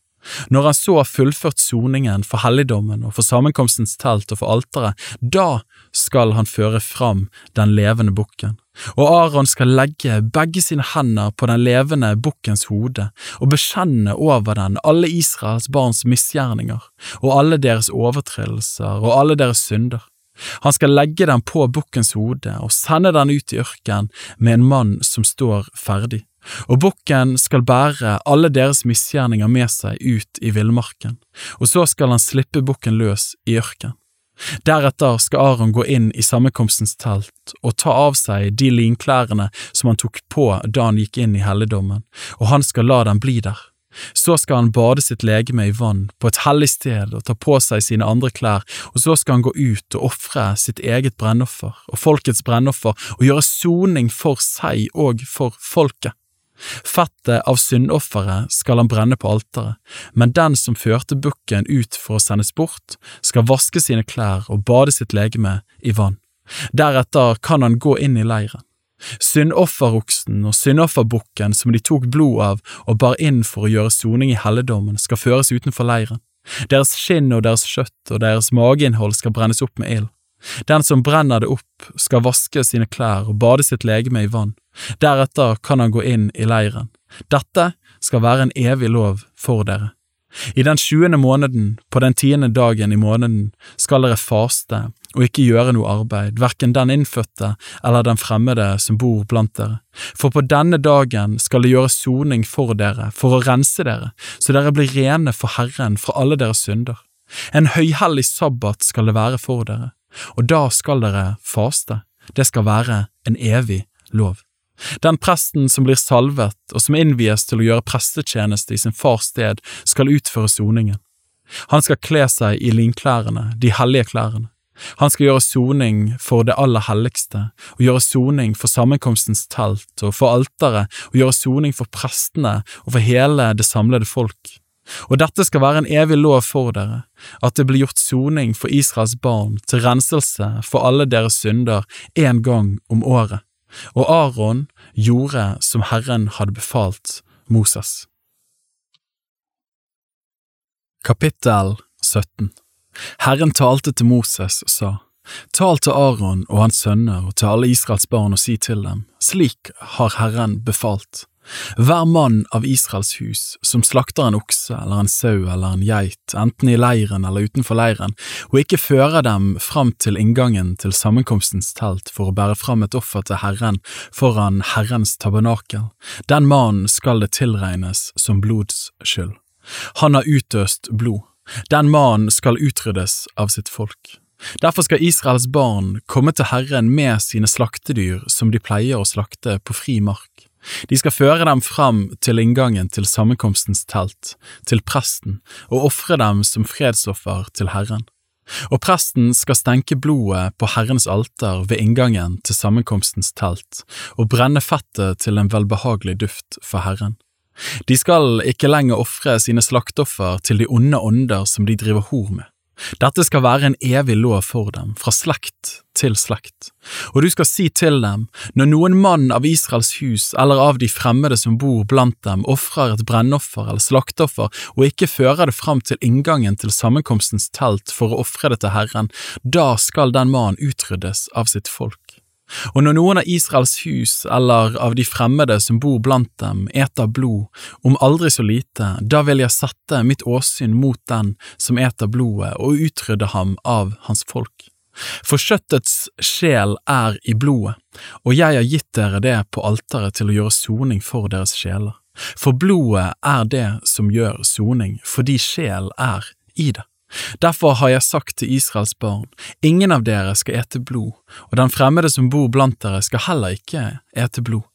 Når noen av Israels barn eller av de fremmede som bor blant dere, feller et vilt dyr eller en fugl som kan etes, da skal han la blodet renne ut og dekke det til med jord. For blodet er sjel i alt kjøtt, fordi sjel er i det. Derfor sa jeg til Israels barn, dere skal ikke ete blod av noe kjøtt, for blodet er sjel i alt kjøtt. Hver den som eter det, skal utryddes. Hver den som eter noe selvdødt eller et dyr som er revet i hjel, enten han er innfødt eller fremmed, skal vaske sine klær og bade seg i vann og være uren til om kvelden, så er han ren. Dersom han ikke vasker sine klær og ikke bader sitt legeme, da fører han skyld over seg. Kapittel 18. Men Herren talte til Moses og sa, Tal til Israels barn og si til dem, Jeg er Herren deres Gud. Dere skal ikke gjøre som de gjør i landet Egypt, som dere bodde i, og dere skal ikke gjøre som de gjør i Kanaans land, som jeg vil føre dere til. Dere skal ikke vandre etter deres skikker, dere skal gjøre etter mine bud, dere skal holde mine lover så dere følger dem. Jeg er Herren deres Gud. Dere skal holde mine lover og mine bud, for det mennesket som gjør etter dem, skal leve ved dem. Jeg er Herren. Ingen av dere skal røre ved noen kvinne av sin nære slekt for å avdekke hennes nakenhet. Jeg er Herren. Din far eller din mor skal du ikke blotte, hun er din mor, du skal ikke avdekke hennes nakenhet. Din fars hustru skal du ikke blotte, det er din fars nakenhet. Du skal ikke blotte din søster, enten det er din fars datter eller din mors datter, enten hun er født hjemme eller borte. Din sønnedatter eller din datterdatter skal du ikke blotte, det er din egen nakenhet. Din fars hustrus datter, som også er din fars datter, skal du ikke blotte, hun er din søster, du skal ikke avdekke hennes nakenhet. Din fars søster skal du ikke blotte, hun er din fars nære slekt. Din mors søster skal du ikke blotte, hun er din mors nære slekt. Din onkels nakenhet skal du ikke blotte, og ikke komme nær hans hustru, hun er din fars søster. Din svigerdatter skal du ikke blotte, hun er din sønns hustru, du skal ikke avdekke hennes nakenhet. Du skal ikke blotte din brors hustru, det er din brors nakenhet. Du skal ikke blotte en kvinne og hennes datter, heller ikke hennes sønnedatter eller hennes datterdatter skal du blotte. De er hennes nære slekt, det er skamløs ferd. Du skal ikke ta din hustrus søster til ekte mens din hustru lever, så du vekker fiendskap mellom dem ved å ha samliv med dem begge. Du skal ikke gå inn til en kvinne som er uren i sin månedlige svakhet, og avdekke hennes nakenhet.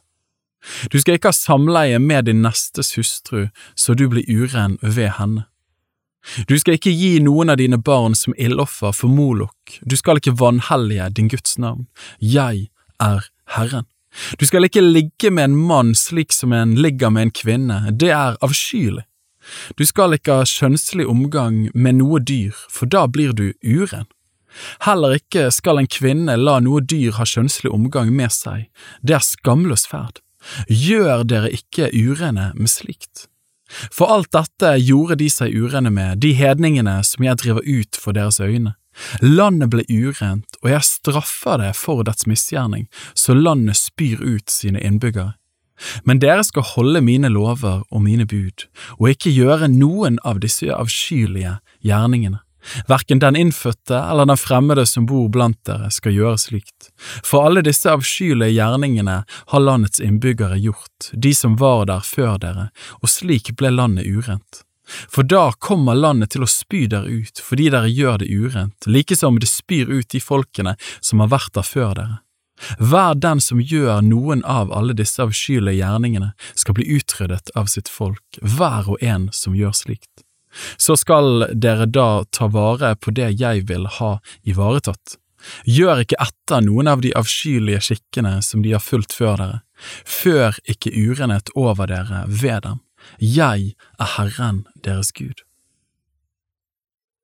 Kapittel 19 Og Herren talte til Moses og sa, Tal til hele Israels barns menighet og si til dem, Dere skal være hellige, for jeg, Herren deres Gud, er hellig. Enhver av dere skal ha ærefrykt for sin mor og sin far, og dere skal holde mine sabbater, jeg er Herren deres Gud. Dere skal ikke vende dere til avgudene og ikke gjøre dere støpte bilder, jeg er Herren deres Gud. Når dere vil ofre fredsoffer til Herren, da skal dere ofre det slik at Han kan ha velbehag i dere. Den dagen dere ofrer det, skal det etes, eller også dagen etter, men det som blir til overs til den tredje dagen skal brennes opp med ild. Dersom det etes på den tredje dagen, da er det en styggedom, Herren har da ikke behag i det. Og den som eter det, fører skyld over seg, for han har vanhelliget det som var helliget Herren. Han skal utryddes av sitt folk. Når dere høster grødene i deres land, så skal du ikke skjære kornet helt ut til den ytterste kant av din åker, og de aksene som blir liggende igjen etter innhøstningen skal du ikke sanke opp. Du skal ikke holde etterhøst i din vingård og ikke sanke opp de druene som har falt ned. Du skal la dem ligge til den fattige og den fremmede. Jeg er Herren deres Gud. Dere skal ikke stjele, og dere skal ikke lyve. Ingen av dere skal gå svikefullt fram mot sin neste. Dere skal ikke sverge på løgn ved mitt navn, så du vanhelliger din Guds navn. Jeg er Herren. Du skal ikke frata din neste noe med urett og ikke rane noe fra ham. Du skal ikke la en dagarbeiders lønn bli natten over hos deg til om morgenen. Du skal ikke forbanne en døv og ikke legge stein i veien for en blind, men du skal frykte din Gud. Jeg er Herren. Dere skal ikke gjøre urett i dommen, du skal ikke holde med noen fordi han er ringe, og ikke gi noen rett fordi han er mektig. Du skal dømme din neste med rettferdighet. Du skal ikke gå omkring og baktale folk. Du skal ikke stå din neste etter livet. Jeg er Herren. Du skal ikke hate din bror i ditt hjerte, men du skal irettesette din neste for at du ikke skal få synd på deg for hans skyld. Du skal ikke hevne deg og ikke gjemme på vrede mot ditt folks barn, men du skal elske de neste som deg selv. Jeg er Herren. Dere skal holde mine lover. Du skal ikke la to slags dyr av ditt fe pare seg med hverandre. Du skal ikke så to slags utsæd på din mark. Det skal ikke komme på deg klær som er vevd av to slags garn. Når en mann ligger hos en kvinne og har samleie med henne, og hun er trellkvinne og festet til en annen mann, men ikke løskjøpt eller frigitt, da skal de straffes, men de skal ikke bøte med livet fordi hun ikke var frigitt. Men han skal føre sitt skyldoffer fram for Herren, til inngangen til sammenkomstens telt, en skyldoffer hver. Med skyldofferværen skal presten gjøre soning for ham for Herrens åsyn, for den synd han har gjort, så får han tilgivelse for den synd han har gjort. Når dere kommer inn i landet og planter alle slags frukttrær, da skal dere holde deres første frukt for uren. I tre år skal de være urene for dere, og dere skal ikke ete av dem. I det fjerde året skal all deres frukt vises til Herren i en gledesfest. Først i det femte året kan dere ete deres frukt, for at de siden kan bære dess mer for dere. Jeg er Herren deres Gud. Dere skal ikke ete noe med blod i. Dere skal ikke gi dere av med å tyde varsler eller spå av skyene. Dere skal ikke rundskjære håret, heller ikke skal du klippe ditt skjegg kort. Dere skal ikke skjære dere i kjøttet av sorg over en avdød, og ikke brenne inn skrifttegn på dere. Jeg er Herren. Du skal ikke vanhellige din datter ved å la henne drive hor, for at ikke landet skal drive hor og bli fullt av kjensel. Mine sabbater skal dere holde og ha ærefrykt for min helligdom, jeg er Herren. Dere skal ikke vende dere til dødningemanere og ikke gå til spåmenn så dere gjør dere urene ved dem. Jeg er Herren deres Gud. For de grå hår skal du reise deg og ære den gamle, og du skal frykte din Gud. Jeg er Herren. Når en fremmed bor hos dere i deres land, da skal dere ikke undertrykke ham. Den fremmede som bor hos dere, skal regnes som en innfødt blant dere, og du skal elske ham som deg selv. For dere har selv vært fremmede i landet Egypt. Jeg er Herren deres Gud. Dere skal ikke gjøre urett i dom, i lengdemål, i vekt eller i hulmål. Rette vektskåler, rette vektlodder, rett efa og rett hin skal dere ha. Jeg er Herren deres Gud, som førte dere ut av landet Egypt. Dere skal ta vare på alle mine lover og alle mine bud og holde dem. Jeg er Herren. Kapittel 20 Herren talte til Moses og sa, Du skal si til Israels barn, om noen av Israels barn eller noen av de fremmede som bor i Israel gir noen av sine barn fra seg til Molok, han skal dø. Folk i landet skal steine ham. Jeg vil sette mitt åsyn mot den mannen og utrydde ham av hans folk fordi han har gitt sitt barn fra seg til Molok og gjort min helligdom uren og vanhelliget mitt hellige navn. Om folket i landet lukker øynene til og ikke straffer en slik mann med døden når han gir sitt barn fra seg til Molok, da vil jeg sette mitt åsyn mot denne mannen og hans slekt. Ham og alle dem som følger ham i å drive hor med Molok, vil jeg utrydde av deres folk. Når noen venner seg til dødningemanere og spåmenn og driver hor med dem, da vil jeg sette mitt åsyn mot den mannen og utrydde ham av hans folk. Dere skal hellige dere og være hellige, for jeg er Herren deres Gud. Dere skal ta vare på mine lover og holde dem. Jeg er Herren som helliger dere. Hver den som forbanner sin far eller sin mor skal dø. Sin far og sin mor har han bannet, hans blod være over ham. Når en mann bryter ekteskapet med en annen manns hustru, med sin nestes hustru, da skal de begge dø, både mannen og kvinnen som har brutt ekteskapet. Når en mann har samleie med sin fars hustru, har han avdekket sin fars nakenhet, de skal begge dø. Deres blod være over dem. Når en mann har samleie med sin svigerdatter, skal de begge dø, de har gjort en motbydelig gjerning, deres blod være over dem. Når en mann ligger hos en annen mann som en ligger hos en kvinne, da har de begge gjort en avskyelig gjerning, de skal dø, deres blod være over dem. Når en mann tar både mor og datter til ekte, da er det skammelig ferd, både han og kvinnene skal brennes med ild, slik skam skal ikke finnes blant dere.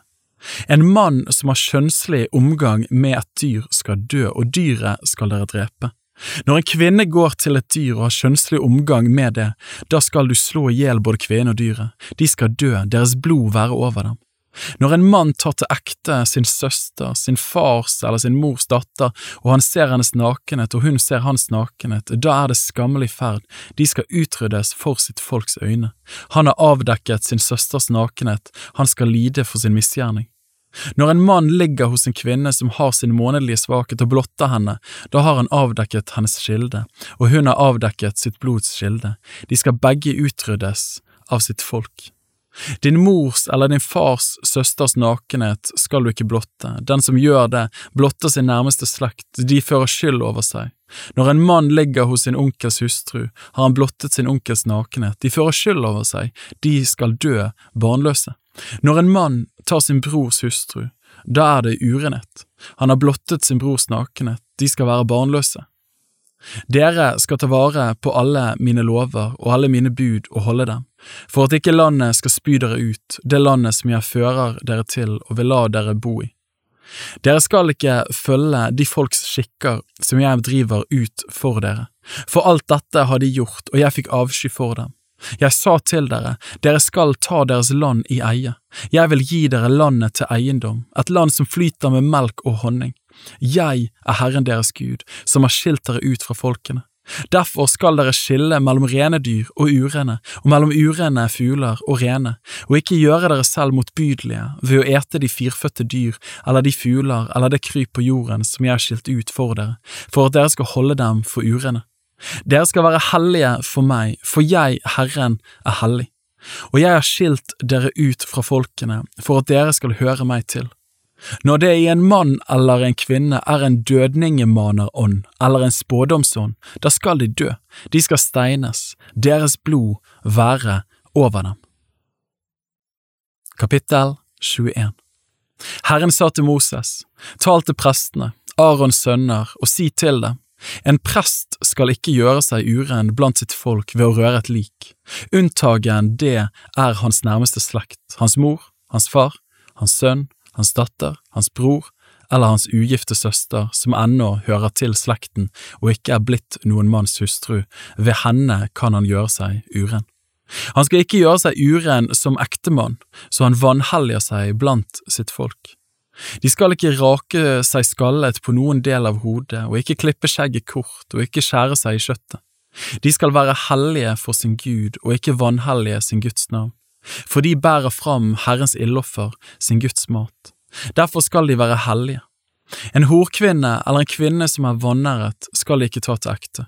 Heller ikke en kvinne som hennes mann har skilt seg fra, for presten er hellig for sin Gud. Du skal holde ham hellig, for han bærer fram din Guds mat. Han skal være hellig for deg, for jeg, Herren, som helliger dere, er hellig. Dersom en prests datter vanhelliger seg ved å drive hor, så vanhelliger hun sin far, hun skal brennes med ild. Den som er ypperste prest blant sine brødre, han som har fått salvingsoljen utøst over sitt hode, og som er innviet og har kledd seg i de hellige klær, han skal ikke gå med uflidd hår eller flerre sine klær. Han skal ikke gå inn til noe lik, ikke engang ved sin far eller sin mor skal han føre urenhet over seg. Han skal ikke gå ut av helligdommen for ikke å vanhellige sin Guds helligdom. For innvielsen han fikk ved sin Guds salvingsolje, er over ham jeg er Herren. Til hustru skal han ta en ren jomfru. En enke eller en fraskilt eller en vanæret kvinne eller en horkvinne, noen slik må han ikke gifte seg med. Bare en jomfru av sitt folk skal han ta til hustru. Han skal ikke vanhellige sin ett blant sitt folk, for jeg er Herren, som helliger ham, og Herren talte til Moses og sa. Tal til Aron og si, ingen av din ett verken nå eller i kommende tider, som har noe lyte, skal tre nær for å bære fram sin Guds mat. Ingen som har noe lyte, skal tre nær, ingen som er blind eller halt eller har noe ansiktslyte eller et lem som er for stort, ingen som har brukket fot eller hånd, ingen som er pukkelrygget eller dverg, eller har en hvit flekk på øyet, eller har skabb eller noe annet utslett, eller som har fått sine stener knust. Ingen av presten Arons ett som har noe lyte, skal tre fram for å bære fram Herrens ildoffer. Han har et lyte, han skal ikke tre nær for å bære fram sin Guds mat. Han kan få ete sin Guds mat, både av de høyhellige og av de hellige gaver, men han må ikke gå fram til forhenget og ikke tre nær til alteret, fordi han har et lyte. Han skal ikke vanhellige mine helligdommer, for jeg er Herren som helliger dem Moses sa dette til Aron og hans sønner og til alle Israels barn. Kapittel 22 Herren talte til Moses og sa, Tal til Aron og hans sønner, og si at de skal se seg vel for med de hellige gaver som Israels barn helliger til meg, og ikke vanhelliger mitt hellige navn. Jeg er Herren. Si til dem, dersom noen i hele deres ett, nå eller i kommende tider, kommer nær de hellige gaver som Israels barn helliger til Herren mens han har noen urenhet på seg, så skal han utryddes fra mitt åsyn. Jeg er Herren. Ingen av Arons ett som er spedalsk eller har utflod, skal ete av de hellige gavene før han er blitt ren. Heller ikke den som rører ved noen som er blitt uren ved lik, eller den som det går sæd fra, eller den som rører ved noe kryp som en blir uren ved, eller ved et menneske som en blir uren ved, hva urenhet det kan være. Den som rører ved noe slikt, skal være uren til om kvelden, han skal ikke ete av de hellige gavene før han har badet sitt legeme i vann. Når solen er gått ned, er han ren. Deretter kan han ete av de hellige gavene, for det er hans mat. Det som er selvdødt eller revet i hjel, skal han ikke ete, for da blir han uren. Jeg er Herren. De skal ta vare på det jeg vil ha ivaretatt, for at de ikke skal føre skyld over seg for noe slikt og dø fordi de vanhelliger det hellige. Jeg er Herren som helliger dem. Ingen fremmed skal ete av det hellige. En som har sitt tilhold hos presten eller er dagarbeider hos ham, må ikke ete av det hellige. Men når en prest kjøper en trell for sine penger, da kan trell ete av det, likeså den som er født i hans hus. De kan ete av hans mat. Når en prests datter blir en fremmed manns hustru, skal hun ikke ete av de hellige offergavene. Men blir hun enke, eller er hun skilt fra sin mann, og hun ingen barn har, og hun vender tilbake til sin fars hus og bor hos ham som da hun var ung, da kan hun ete av sin fars mat, men ingen fremmed skal ete av den. Når noen eter noe hellig og ikke vet om det, skal han godtgjøre presten det hellige og legge femtedel til. Prestene skal ikke vanhellige de hellige gaver som Israels barn ofrer til Herren, og slik føre misgjerning og skyld over dem når de eter deres hellige gaver, for jeg er Herren som helliger dem. Og Herren talte til Moses og sa, Tal til Aron og hans sønner og til alle Israels barn, og si til dem, når noen av Israels hus eller av de fremmede i Israel vil ofre sitt offer, enten det er et løfteoffer eller et frivillig offer de vil ofre til Herren som brennoffer, da skal dere gjøre det slik at Herren kan ha velbehag i dere. Det skal være en hann uten lyte av storfe, av sauene eller av geitene. Noe som det er lyte på, må dere ikke ofre, for da har Herren ikke velbehag i dere. Når noen vil ofre til Herren et fredsoffer av storfe eller av småfe, enten for å oppfylle et løfte eller for å gi et frivillig offer, da skal det være uten lyte for at Herren kan ha velbehag i det. Det skal slett ikke være noe lyte på det. Dyr som er blinde eller har brukne ben eller sårskader, eller som har verkesår eller skabb eller annet utslett, skal dere ikke ofre til Herren. Dere skal ikke legge ildoffer av dem på alteret for Herren. Et dyr av storfe eller småfe som har et lam som er for langt eller for kort, kan du ofre som frivillig offer, men som løfteoffer har Herren ikke velbehag i det. Et dyr som er gjeldet ved å klemmes eller knuses eller rives eller skjæres, skal dere ikke bære fram for Herren, slikt skal dere ikke gjøre i deres land. Heller ikke av en utlendings hånd skal dere motta og ofre slike dyr som matoffer til deres Gud, for de er utkjempt. Det er lyte på dem, med dem vinner dere ikke Herrens velbehag. Og Herren talte til Moses og sa, Når en kalv eller et lam eller et skje blir født, da skal de bli sju dager hos moren, men fra den åttende dagen av er de velbehagelige for Herren som ildoffer for ham. Dere skal ikke slakte et dyr av storfe eller småfe på samme dag som dets unge.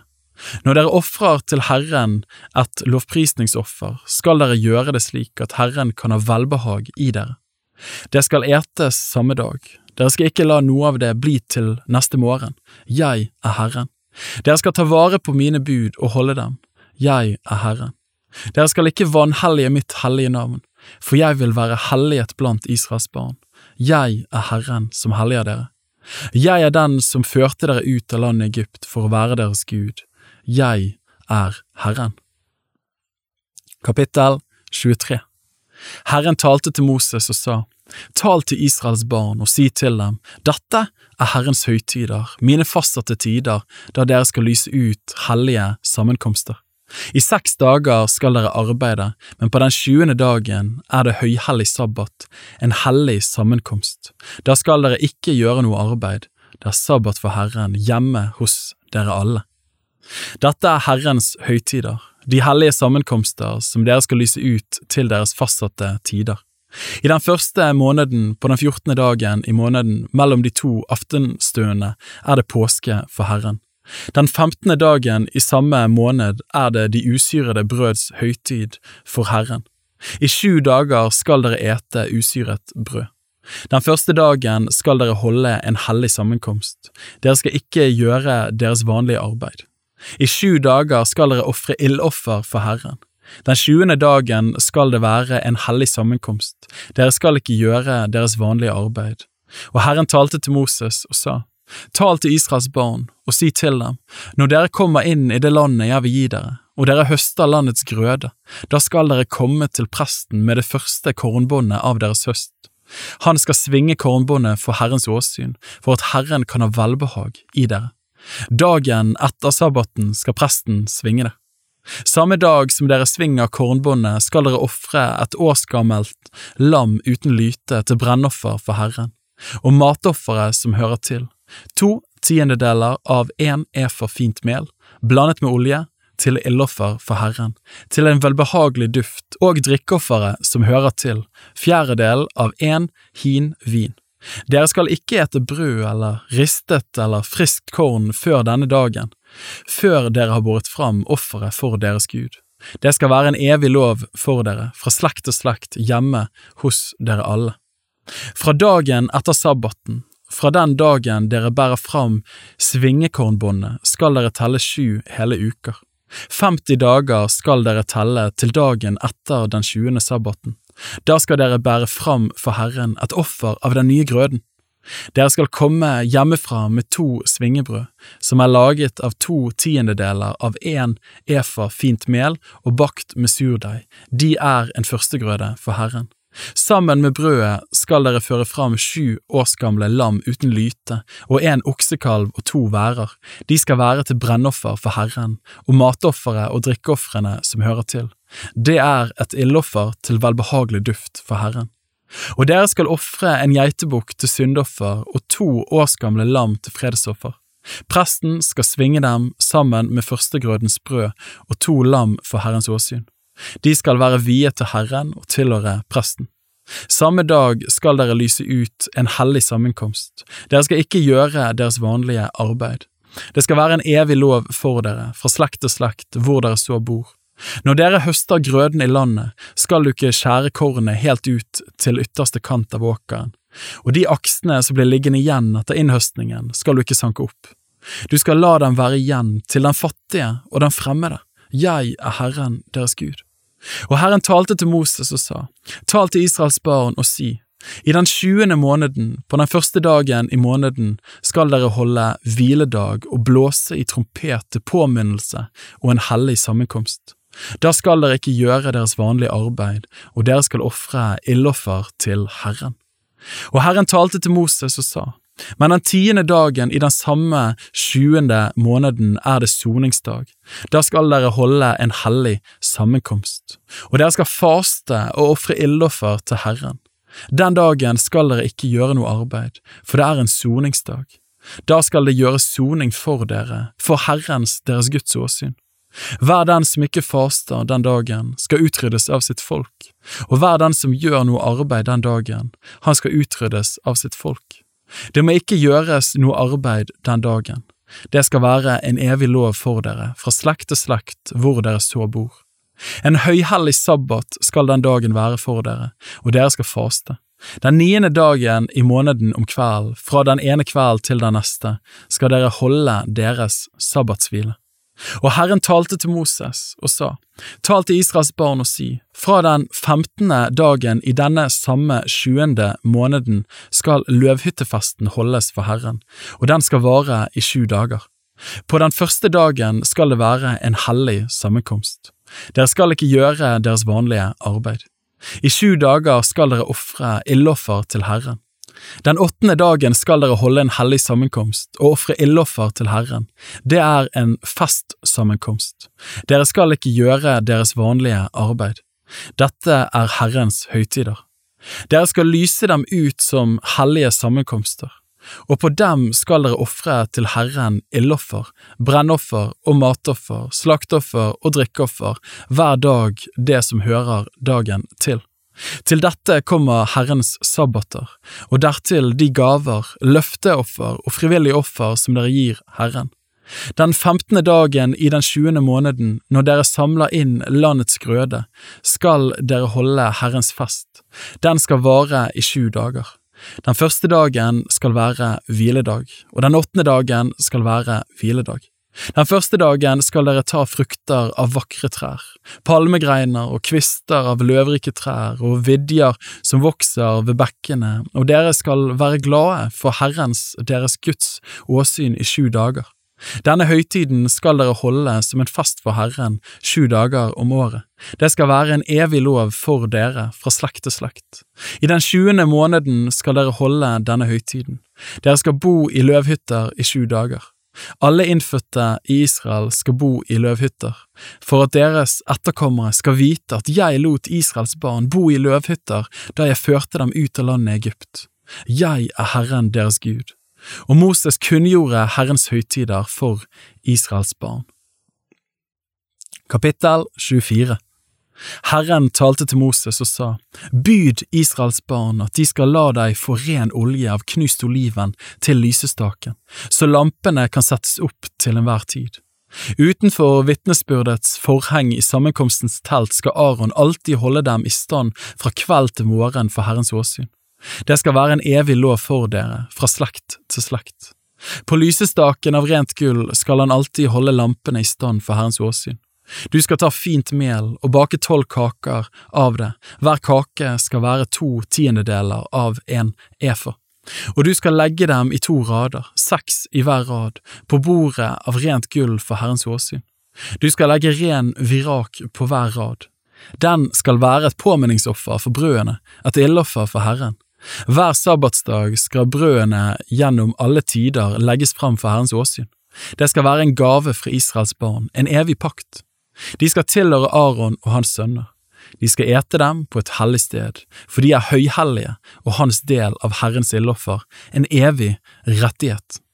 En mann som var sønn av en israelittisk kvinne, men hadde en egypter til far, gikk en gang ut blant Israels barn. Da kom den israelittiske kvinnens sønn og en israelittisk mann i trette med hverandre i leiren, og den israelittiske kvinnens sønn spottet Herrens navn og forbannet det. Da førte de ham til Moses, hans mor hette Shelomit, Dibris datter, av Dans stamme. De satte ham fast for at de kunne få avgjørelse ved et ord fra Herren. Og Herren talte til Moses og sa, Før spotteren utenfor leiren, og alle de som hørte det skal legge sine hender på hans hode, og hele menigheten skal steine ham.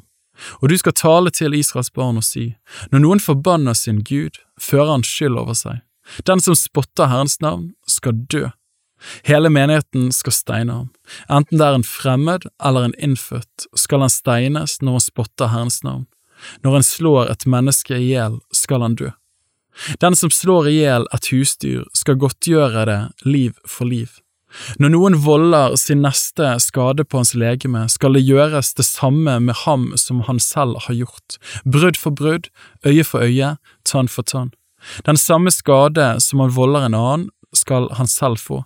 Den som slår i hjel et husdyr, skal godtgjøre det, men den som slår et menneske i hjel, skal dø. En og samme rett skal gjelde for dere. Den skal gjelde for den fremmede som for den innfødte, for jeg er Herren deres Gud. Og Moses sa dette til Israels barn, og de førte spotteren utenfor leiren og steinet ham. Israels barn gjorde som Herren hadde befalt Moses. Kapittel 25 Herren talte til Moses på Sinaiberg og sa, Tal til Israels barn og si til dem, når dere kommer inn i det landet jeg vil gi dere, da skal landet ha en sabbatshvile for Herren. I seks år skal du så din åker, og i seks år skal du stelle med din vingård og høste landets grøde. Men i det tjuende året skal det være en høyhellig sabbat for landet, en sabbat for Herren. Da skal du ikke så din åker og ikke stelle med din vingård. Det som vokser av seg selv etter at du har høstet, skal du ikke skjære, og druene på ditt ustelte vintre skal du ikke sanke. Det skal være et sabbatsår for landet. Det som vokser i landets sabbatsår, skal være til føde for dere, for deg og din tjener og din tjenestepike og din dagarbeider og de fremmede som holder til hos deg. Din buskap og de ville dyr som er i ditt land, skal også ete av all den grøde som vokser der. Så skal du telle fram sju sabbatsår, sju ganger sju år, så tiden for de sju sabbatsår blir 49 år. Og i den tjuende måneden på den tiende dagen i måneden skal du la hornet lyde gjennom landet. På soningsdagen skal dere la hornet lyde gjennom hele landet. Dere skal holde det femtiende året hellig og utrope frihet i landet for alle dem som bor der. Det skal være et jubelår for dere. Og dere skal komme tilbake, hver til sin eiendom og hver til sin slekt. Et jubelår skal dette femtiende året være for dere. Ikke skal dere så, og ikke skal dere høste det som vokser av seg selv i det året, og ikke skal dere sanke druer av de ustelte vintrærne i det året, for det er et jubelår, hellig skal det være for dere. Av marken skal dere ete det den bærer. I dette jubelåret skal dere komme tilbake, enhver til sin eiendom. Når du selger noe til din neste, eller når du kjøper noe av din neste, da skal dere ikke gjøre hverandre urett. Etter tallet av år siden jubelåret skal du kjøpe av din neste. Etter tallet av innhøstningsårene skal han selge til deg. For et større antall år skal du gjøre kjøpesummen større, og for et mindre antall år skal du gjøre kjøpesummen mindre, for det er bare et visst antall avlinger han selger til deg. Ingen av dere skal gjøre sin neste urett, men du skal frykte din Gud, for jeg er Herren deres Gud. Dere skal holde mine lover og ta vare på mine bud og holde dem, så skal dere bo trygt i landet. Landet skal gi sin frukt, og dere skal ete og bli mette og bo der trygt. Og om dere sier, Hva skal vi ete i det tjuende året, når vi ikke sår og ikke samler inn vår grøde? Da vil jeg sende min velsignelse over dere i det sjette året, så det gir grøde for tre år. I det åttende året skal dere så, men ennå ete av den gamle grøden.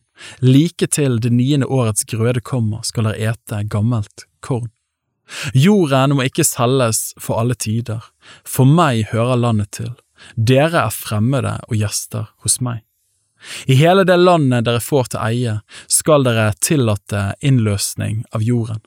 Når din bror blir fattig og må selge noe av sin jordeiendom, da skal hans løser, hans nærmeste, komme og innløse det som hans bror har solgt. Og om en ikke har noen løser, men selv får råd til det og kommer til å eie det som skal til for å innløse det, da skal han regne etter hvor mange år det er gått siden han solgte, og bare betale det overskytende til den mannen han solgte til. Så skal han få sin jordeiendom igjen. Men dersom han ikke har nok til å betale ham med, da skal det han har solgt bli i dens eie som kjøpte det, helt til jubelåret men i jubelåret skal det gis fritt, så han får sin jordeiendom igjen. Når noen selger et våningshus i en by som er omgitt av murer, da skal hans innløsningsrett vare inntil et helt år er gått etter at han har solgt.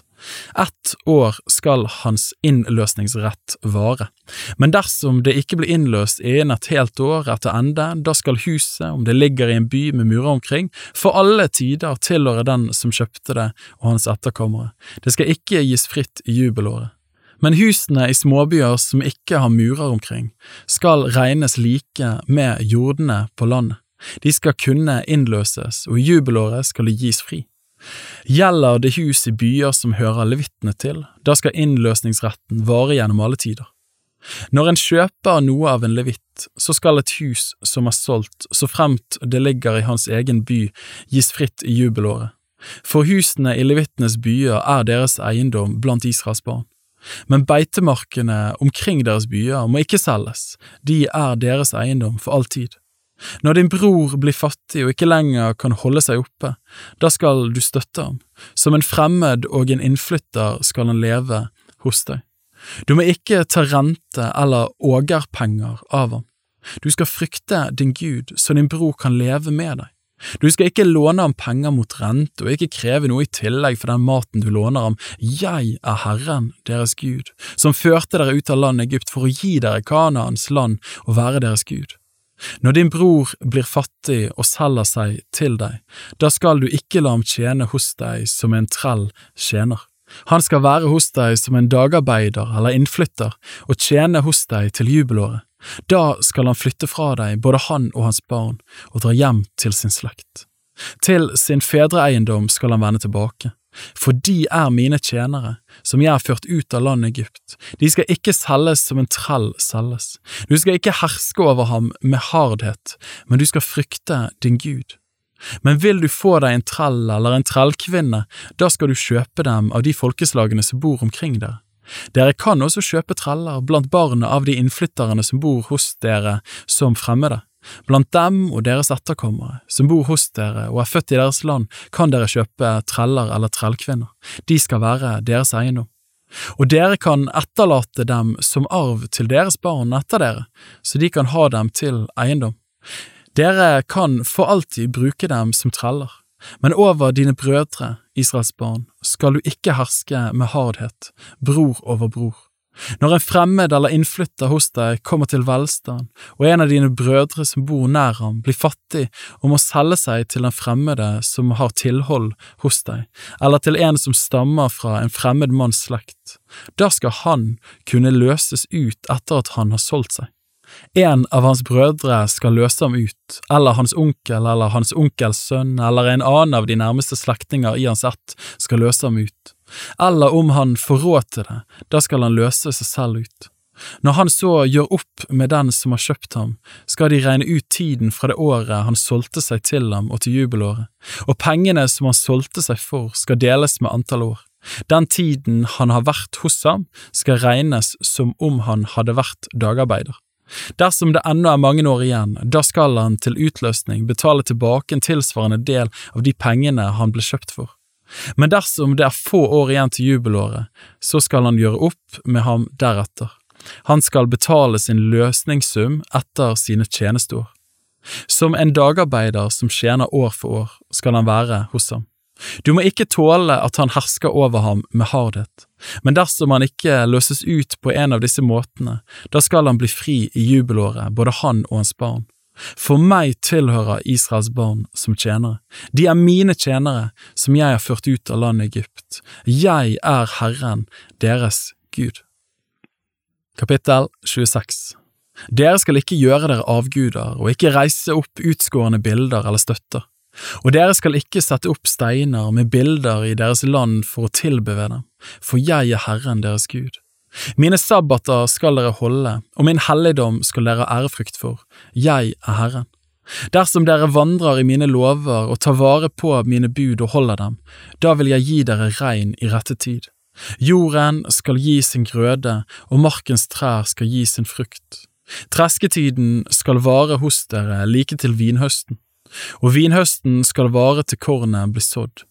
Dere skal ete dere mette av brødet som dere har dyrket, og bo trygt i deres land. Jeg vil gi fred i landet. Dere skal hvile i ro, og ingen skal forferde dere. Jeg vil utrydde de ville dyrene av landet, og sverdet skal ikke fare gjennom deres land. Dere skal forfølge deres fiender, og de skal falle for deres sverd. Fem av dere skal forfølge hundre, og hundre av dere skal forfølge ti tusen, og deres fiender skal falle for deres sverd. Jeg vil vende meg til dere og gjøre dere fruktbare og tallrike, og jeg vil holde min pakt med dere. Dere skal ha gammel grøde å ete inntil dere må føre den bort for den nye grødens skyld. Jeg vil sette min bolig midt iblant dere, og jeg skal aldri forkaste dere. Jeg vil vandre midt iblant dere. Jeg vil være deres Gud, og dere skal være mitt folk.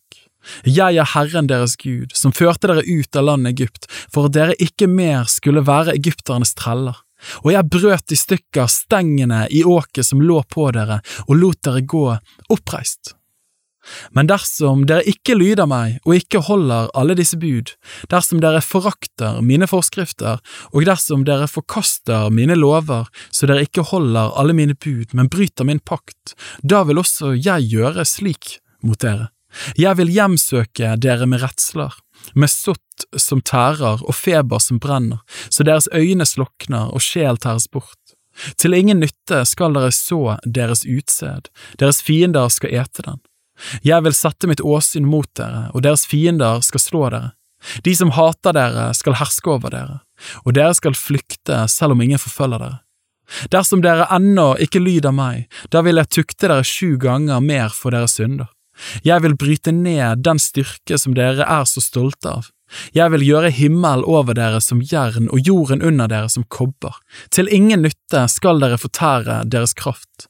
Landet skal ikke gi sin grøde, og trærne i landet skal ikke gi sin frukt. Dersom dere ennå står meg imot og ikke vil lyde meg, da vil jeg slå dere sju ganger mer, som deres synder fortjener. Jeg vil sende ville dyr mot dere, de skal røve barna fra dere, ødelegge kveget og gjøre dere få, og veiene skal bli øde. Dersom dere ennå ikke lar dere tukte av meg, men står meg imot, da vil også jeg stå dere imot og slå dere sju ganger mer for deres synder. Jeg vil føre over dere et sverd som hevner pakten. Og om dere samler dere i byene, da vil jeg sende pest iblant dere, og dere skal gis i fiendens hånd. Når jeg bryter i stykker brødets stav for dere, da skal ti kvinner bake brød i én ovn og gi dere brød igjen etter vekt, og dere skal ete og ikke bli mette. Dersom dere ennå ikke lyder meg, men står meg imot, da vil også jeg stå dere imot i vrede og tukte dere sju ganger mer for deres synder. Dere skal ete kjøttet av deres egne sønner og døtre. Jeg vil ødelegge offerhaugene deres og utrydde solstøttene. Jeg vil kaste deres døde kropper oppå de døde kroppene av deres motbydelige avguder, og min sjel skal vemmes med dere. Jeg vil gjøre deres byer til en ørken og legge deres helligdommer øde, og jeg vil ikke nyte vellukten av deres offer. Jeg vil legge landet øde, så deres fiender som bor der skal forferdes over det. Men dere vil jeg spre blant hedningene, med draget sverd vil jeg forfølge dere. Deres land skal bli øde og deres byer en ørken. Da skal landet gjøre godt igjen for sine sabbatsår hele den tid det ligger øde, mens dere er i deres fienders land. Da skal landet hvile og gjøre godt igjen for sine sabbatsår. Hele den tiden det ligger øde, skal det ha hvile, den hvile som det ikke fikk i sabbatsårene mens dere bodde der. Og de som blir igjen av dere, dem vil jeg gi et motløst hjerte i sine fienders land, så lyden av et løvblad for veden vil jage dem. De skal flykte som en flykter for sverd, og falle skjønt ingen forfølger dem. De skal falle, den ene over den andre, som for sverd, skjønt ingen forfølger dem, og dere skal ikke holde stand mot fiendene. Dere skal gå til grunne blant hedningene, og deres fienders land skal fortære dere.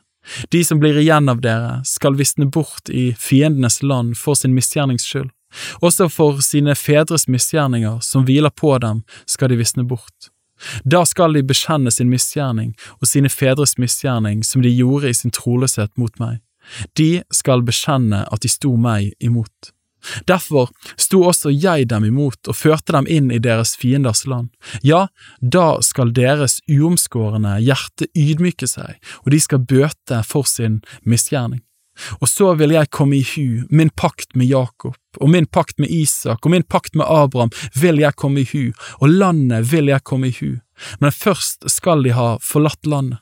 Det skal gjøre godt igjen for sine sabbatsår, mens det ligger øde og forlatt av dem og de skal bøte for sin misgjerning fordi de foraktet mine lover og forkastet mine bud. Men selv da, når de er i sine fienders land, vil jeg ikke støte dem bort og avsky dem, så jeg skulle tilintetgjøre dem og bryte min pakt med dem, for jeg er Herren deres Gud. Til gagn for dem vil jeg komme i hu pakten med fedrene, som jeg førte ut av landet Egypt, midt for hedningenes øyne, for å være deres Gud. Jeg er Herren.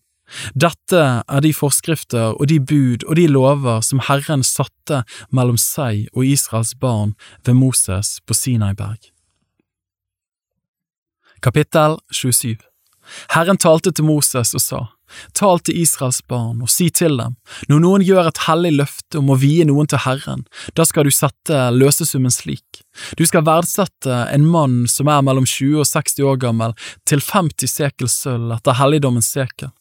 Men er det en kvinne, da skal du verdsette henne til 30 sekel. Er det en som er mellom fem år og 20 år gammel, da skal du verdsette en som er av mannskjønn til 20 sekel, og en som er av kvinneskjønn til 10 sekel. Er det en som er mellom en måned og fem år, da skal du verdsette en gutt til fem sekel sølv og en pike til tre sekel sølv. Er det en som er 60 år gammel eller mer, da skal du, dersom det er en mann, verdsette ham til 15 sekel og en kvinne til 10 sekel. Men dersom noen er for fattig til å betale etter din verdsetting, da skal han stilles frem for presten, og presten skal verdsette ham.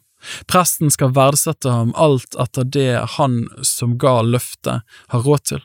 Dersom det gjelder et dyr, slike som en ofrer til Herren, da skal alt det en gir Herren av slikt være hellig. En skal ikke gi noe annet i stedet, og ikke bytte det ut, hverken et godt med et dårlig eller et dårlig med et godt. Bytter noen et dyr med et annet, da skal både dyret og det som det byttes med, være hellig. Men dersom det er et eller annet urent dyr som en ikke skal ofre til Herren, da skal dyret stilles fram for presten, og presten skal verdsette det ettersom det er godt eller dårlig. Som du, prest, verdsetter det, slik skal det være. Men vil noen innløse det, da skal han gi femtedel mer enn det du har verdsatt det til. Når noen helliger sitt hus som gave til Herren, da skal presten verdsette det etter som det er, godt eller dårlig. Som presten verdsetter, slik skal det stå ved makt. Men dersom den som har helliget sitt hus vil innløse det, da skal han gi femtedel mer enn du har verdsatt det til, så blir det hans. Dersom noen helliger Herren noen av sin jordeiendom, da skal du verdsette det etter såkornet, én homer byggsæd til 50 sekel sølv. Dersom han helliger sin jord fra jubelåret av, da skal din verdsetting stå ved makt. Men dersom han helliger sin jord etter jubelåret, da skal presten regne ut pengene etter de år som er tilbake til neste jubelår, og det skal gjøres avkortning i den verdien du har satt. Vil den som har helliget jorden, innløse den, da skal han gi femtedel mer enn du har verdsatt den til, så skal den være hans for godt. Men dersom han ikke innløser jorden, eller han selger den til en annen, da kan den ikke innløses mer. Men når jorden gis fri i jubelåret, skal den være helliget Herren, like som bannlyst jord. Den skal tilhøre presten som hans eiendom. Men dersom noen helliger til Herren et jordstykke som han har kjøpt, som ikke har tilhørt den jordeiendommen han har arvet, da skal presten regne ut for ham hva det skal verdsettes til etter tiden inntil jubelåret. Samme dag skal han gi det du verdsetter det til, det skal være helliget Herren. I jubelåret skal jorden komme tilbake til den han har kjøpt den av, til den som har retten til denne arvejord i landet. All din verdsetting skal skje etter helligdommens sekel. Sekel skal være 20 gera. Ingen skal hellige det førstefødte i buskapen. Som førstefødt hører det Herren til. Enten det er et dyr av storfe eller av småfe, hører det Herren til. Men dersom det er av de urene dyrene, da skal en innløse det etter din verdsetting og legge femtedel til. Dersom det ikke innløses, da skal det selges etter din verdsetting. Men intet bannlyst som noen vier til Herren av alt det han eier, må selges eller innløses, enten det er folk eller fe eller jordeiendom, alt bannlyst er høyhellig for Herren. Et menneske som er lyst i bann skal ikke løses, men lide døden. All landets tiende av jordens utsed og av trærnes frukt hører Herren til. Den er hellighet Herren. Vil noen innløse noe av sin tiende, da skal han legge femtedel til. Og all tiende av storfe og av småfe, av alt det som går under gjeterstaven, hvert tiende dyr skal være hellighet Herren. En skal ikke se etter om det er godt eller dårlig, og ikke bytte det. Dersom en bytter det, da skal både dyret og det som det byttes ut med, være hellig. Det skal ikke innløses. Dette er de bud som Herren ga Moses på Sinaiberg og bød ham å kunngjøre for Israels barn.